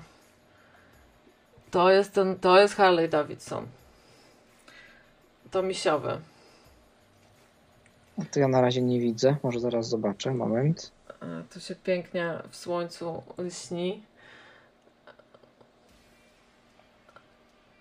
Takie tutaj tomisiowe ciekawostki. No szkoda, że to mi się, że nie możesz sam zadzwonić i tutaj poopowiadać. Em, ale może, może, może kiedyś dopowiesz albo w O, komentarzu. tak, tak, no bardzo, bardzo ładny Harley, śliczny. Mm, To właśnie, to właśnie jest Sportster bodajże 1200, tak, pojemności. mm, kawał. To takim, takim mógłbym jeździć. Czekaj, bo może to jest jakieś, co to mi się chce sprzedać, słuchaj. Może można tutaj frachtem e, do, do Polski wysłać. Może jakieś Tak. transakcji dokonacie. E, No i tutaj ten sam z trochę innej No i perspektywy. właśnie tak, perspektywy, bardzo ładne właśnie. Te motocykle mają w sobie to coś. To jest taki dla mnie, ja ogólnie mam takie teraz zboczenie, że dla mnie motocykl musi być jak najbardziej metalowy. Mhm. Żeby śnił w słońcu. Nawet nie chodzi o to, ale żeby odbiór tego motocykla był taki, że jak ja do niego podchodzę i stuknę e, palcem w błotnik, e, w, ten, e, w zbiornik paliwa, w pokrywę silnika, tutaj filtra powietrza, w osłony pod siedzeniem, żeby to było takie, takie mięsiste. Żeby nie było tego plastiku. Tak, tak, jednak jakoś ja tak, ja, ja tak po prostu mam, e, podoba mi się takie coś. Mhm. No, imponujące. Tutaj to mi się pisze, że musiał przesunąć nożne manetki. Tak, no bo jest wysoki i po prostu musiał odsunąć nogi do przodu, bo inaczej by miał nogi pod, jak mówię, te nogi, kolana pod brodą. Mhm, mhm. No tak, tutaj właśnie też fajne, że można sobie te maszyny do siebie e, tak dostosować, nie? To, co ci pasuje. A, widzisz, to mi się pisze, że może wysłać do Polski, bo dla niego jest za mały. Także kontaktujcie się. Tak. E, tylko nie wiem, pewnie jakieś cło trzeba będzie płacić. Jak, i ile by tego cła nie było, jednak motocykle ze Stanów są zawsze tańsze niż do kupienia w Polski. O, no, także chłopaki, dogadujcie się na Skype'ie. Może tutaj coś, Gandalf, do twojej nowej, e, coś nowego do twojej stajni dojdzie. Mówię, Kawasaki już nie sprzedam, bo to jest taki motocykl, który kupiłem tak za śmieszne pieniądze, w tak dobrym stanie, w oryginalnym, który jest każda śrubka oryginalna, że ten motocykl prędzej oddam swojemu tacie, żeby sobie jeździł na emeryturze, niż go sprzedam. Mhm. E, Dob, dobro, dobra inwestycja ci się trafiła. Tak, tak, naprawdę się udało. Że tak powiem, y, kupiłem po prostu, bo y, taki też w sumie gościu po 60 nie wiedział co ma po prostu. Mówi, a tam kiedyś kupiłem, tam 2-3 lata pojeździłem, ale w sumie z żoną nie chce jeździć, tam żona też nie chce jeździć, to a na co mnie to? Ja nie potrzebuję. I kupiłem. Aha. E, no właśnie, powiedz mi, a ty tak często siedzisz na tych różnych tam, wiesz, giełdach samochod tych motocyklowych, tam na to moto Y, sobie... Jeśli, jeśli chodzi o motocykle, o to moto, to y, praktycznie nie ma wieczora y, przy herbatce, że sobie czegoś tam nie poglądam. Aha, czyli po prostu, no tak, jak No, to tak... co- Śledzę, cały czas śledzę rynek. Co tam, jak tam, a gdzie to, a co to. Czasami na przykład się trafi jakiś fajny materiał na przeróbkę, e, fajny jakiś materiał, żeby sobie coś zgapić do czegoś. No to po Mm. prostu ja lubię, lubię, lubię w ten sposób spędzać wolny czas. No tak, no to jak jesteś tak na bieżąco cały czas, nie, to wtedy też łatwo wyhaczysz taką okazję, nie? Tak, to prawda. No i tutaj to mi się mówi, że może sprzedać za tysiąc dolarów, ale ja nie wiem, czy on żartuje chyba, co? Raczej, raczej żartuję. Tyle to kosztuje ta, ta chromowana obudowa, tyle kosztuje. E, no chyba, chyba, że zera zapomniał e, dopisać, chyba, że za mało zer jest. To, to już prędzej, tak. No. E, No dobra, słuchaj, to myślę, że teraz już będziemy kończyć. Nie wiem, a, a miałaś tam jeszcze jedno zdjęcie, jak stoi w domu? Miałam, miałam to zdjęcie, no. No, to, to, to też właśnie w Irlandii, jak mieszkałem na jednym mieszkaniu, to nie miałem garażu, musiałem trzymać motocykl w salonie. E, To mnie też rozśmieszyło właśnie, że e, to, to, to pokażemy na koniec właśnie tutaj. E, Motocykl jako członek rodziny, co nie? Tak, i to nie jest wcale dziwne, bo tak wiele, tak wiele osób robi po prostu. No, no tym bardziej też, że jest cenna rzecz, nie? I, i szkoda, żeby gdzieś tam e, przez warunki atmosferyczne był niszczony. E, Tak jest. no i ten, no przy okazji ładny element wystroju wnętrza. Ewentualnie można zawsze na zimę zamiast choinki ubrać lampkami, też będzie Tak. ładnie wyglądał. Też będzie ładnie. E, także tak. E, kto ma tutaj ochotę e, nowego członka rodziny, tutaj widzę adwokat się zastanawia, e, to myślę, że jak się do Gandalfa odezwiesz, to też ci chętnie e,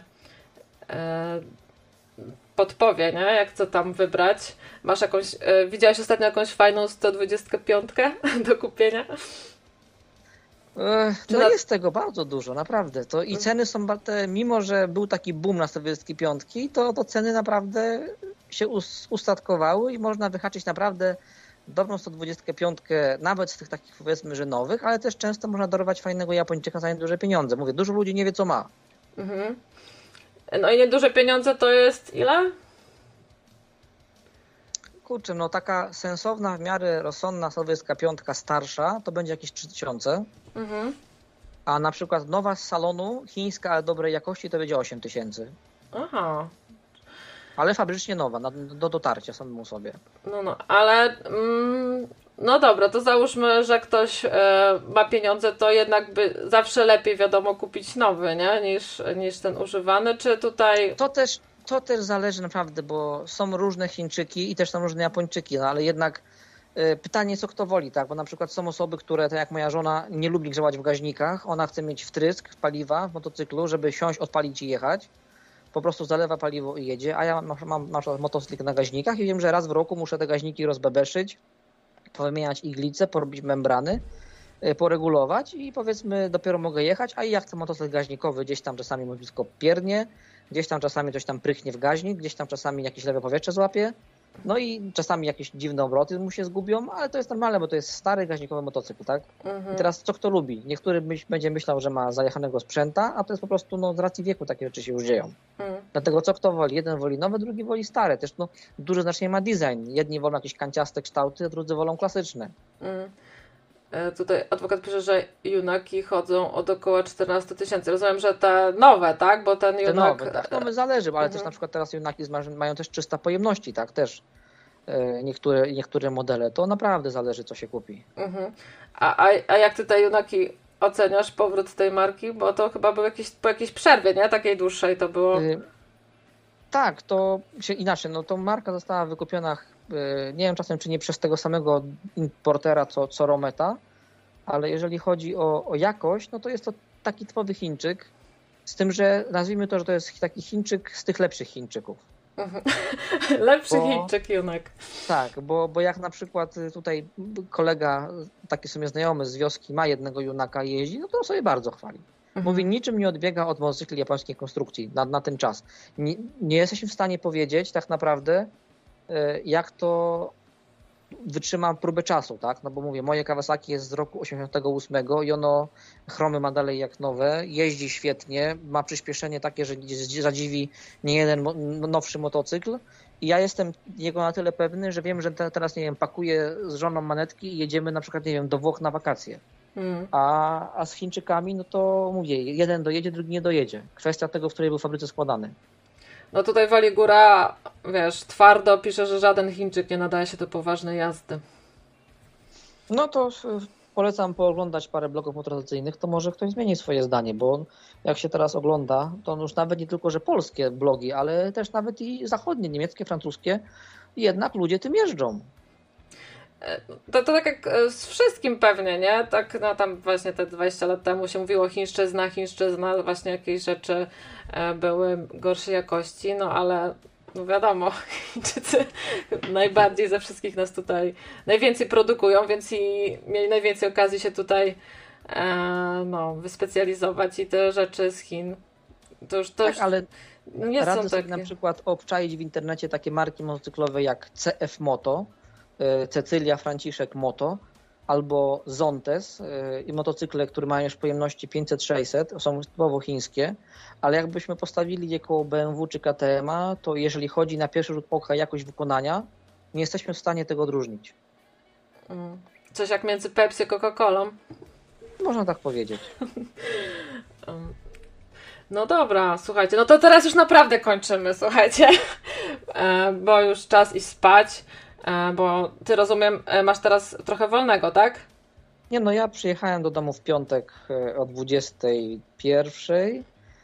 No i jutro jakoś w południe jadę e, dalej w trasę do Francji na południe, praktycznie po całą Hiszpanię. No i wrócę gdzieś pewnie koło czwartku. Czwartku, przysz, przy, do przyszłego, przyszły czwartek wrócę. e, po weekendzie. Będę pewnie w domu, w domu piątek, piątek, sobota, niedziela. Wezmę sobie w poniedziałek wolne i pojadę we, no, we wtorek. Także ja mam taki naprawdę e, tryb pracy, powiedzmy, że jakby praca w kółkach. Jadę, wracam, jadę, wracam, jadę, wracam, tak? Czyli na te weekendy jesteś w domu przeważnie. Na ten, na ten weekend jestem w domu, na przyszły nie będę, a potem to już nie wiem. Mogę być, a mogę nie być. Na przykład Mhm. może być tak, że zjadę do domu w poniedziałek po weekendzie, będę w domu wtorek, środa, czwartek, piątek, a w sobotę pojadę znowu. Mhm, mhm. E, No, z jednej strony też fajnie, nie? Bo czasami jest to po prostu też e, właśnie w te dni e, powszednie, to też e, inaczej to zupełnie wygląda niż tylko tak weekendowo. Mm, Tak, tak. No, także będziemy się tam jeszcze umawiać na tą następną audycję, no i może też na Tak tą jest. ajurwedyjską. Nie ma problemu. Astrologiczną, ajurwedyjską nie ma problemu. Słuchaj, tutaj jeszcze to Misiu zapytuje, czy mógłbyś jakieś takie, wiesz, wrzutki e, robić z trasy, nie? Jakieś Ale o czym ja będę filmiki. opowiadał? O, o czym ja mam opowiadać? Nie, mi się wydaje, że jemu chodziło bardziej może o jakieś takie filmiki, chociaż no to Misiu pisze, że audycja z trasy dla NR, no ale nie no, Gandalf się musi skupić na jeździe, ale jakieś fajne... Nie no, jest, jest, jest to do wykonania, bo mogę ewentualnie telefon, y, bo mam uchwyt na, na szybę taki ten y, powiedzmy do telefonu. Y, Akurat, że nie zasłania kamery, także można byłoby coś tam nagrać, ale no to, to bardziej z Polski, jak będę gdzieś w, pokraju, no bo to jednak na zachodzie koszty tego internetu są tragiczne dalej. Mimo, Mm. że jesteśmy w Unii Europejskiej, no to to wszystko jest dalej strasznie drogie. Ale o jedno bym Cię właśnie chciała poprosić, żeby wiesz, do tej audycji trakerskiej, żebyś jakiś fajny filmik e, nakręcił, to sobie, wiesz, wrzucimy go jako zapowiedź audycji, nie? Albo tutaj po prostu sobie podtwarzamy, nie? E, Czyli to, po prostu... to mogę, mogę jakieś parę, że tak powiem, nagrać filmików pod jakieś delikatne shorty ewentualnie i tutaj no, powrzucać. no, o, o, coś takiego, no to To ja wtedy fajne. bym wysłał ci na Skype, a ty byś też tam zamieściła na profilu. Tak, tak, no to tak się umawiamy. O, na takiej zasadzie to będą właśnie relacje z trasy, e, takie zajawki. E, no, a teraz na koniec, tak jak mówiłam, The Hell Freaks i tutaj Hit Me e, Where It Hurts. No tutaj życzymy, żeby nikt w nic nie, nie uderzał. Także e, dzięki Wam za tą audycję. Dzięki Wam tutaj czatujący. Dziękujemy Irkowi za telefon. Ja też bardzo dziękuję, miło było. No i do następnego razu w takim razie, Gandalfie. No to trzymajcie się wszyscy, cześć. Trzymaj się, papa, dobranoc. A tutaj kończymy tak jak zaczęliśmy mocnym uderzeniem. Miłego słuchania, dzięki za audycję jeszcze raz i do usłyszenia e, niebawem.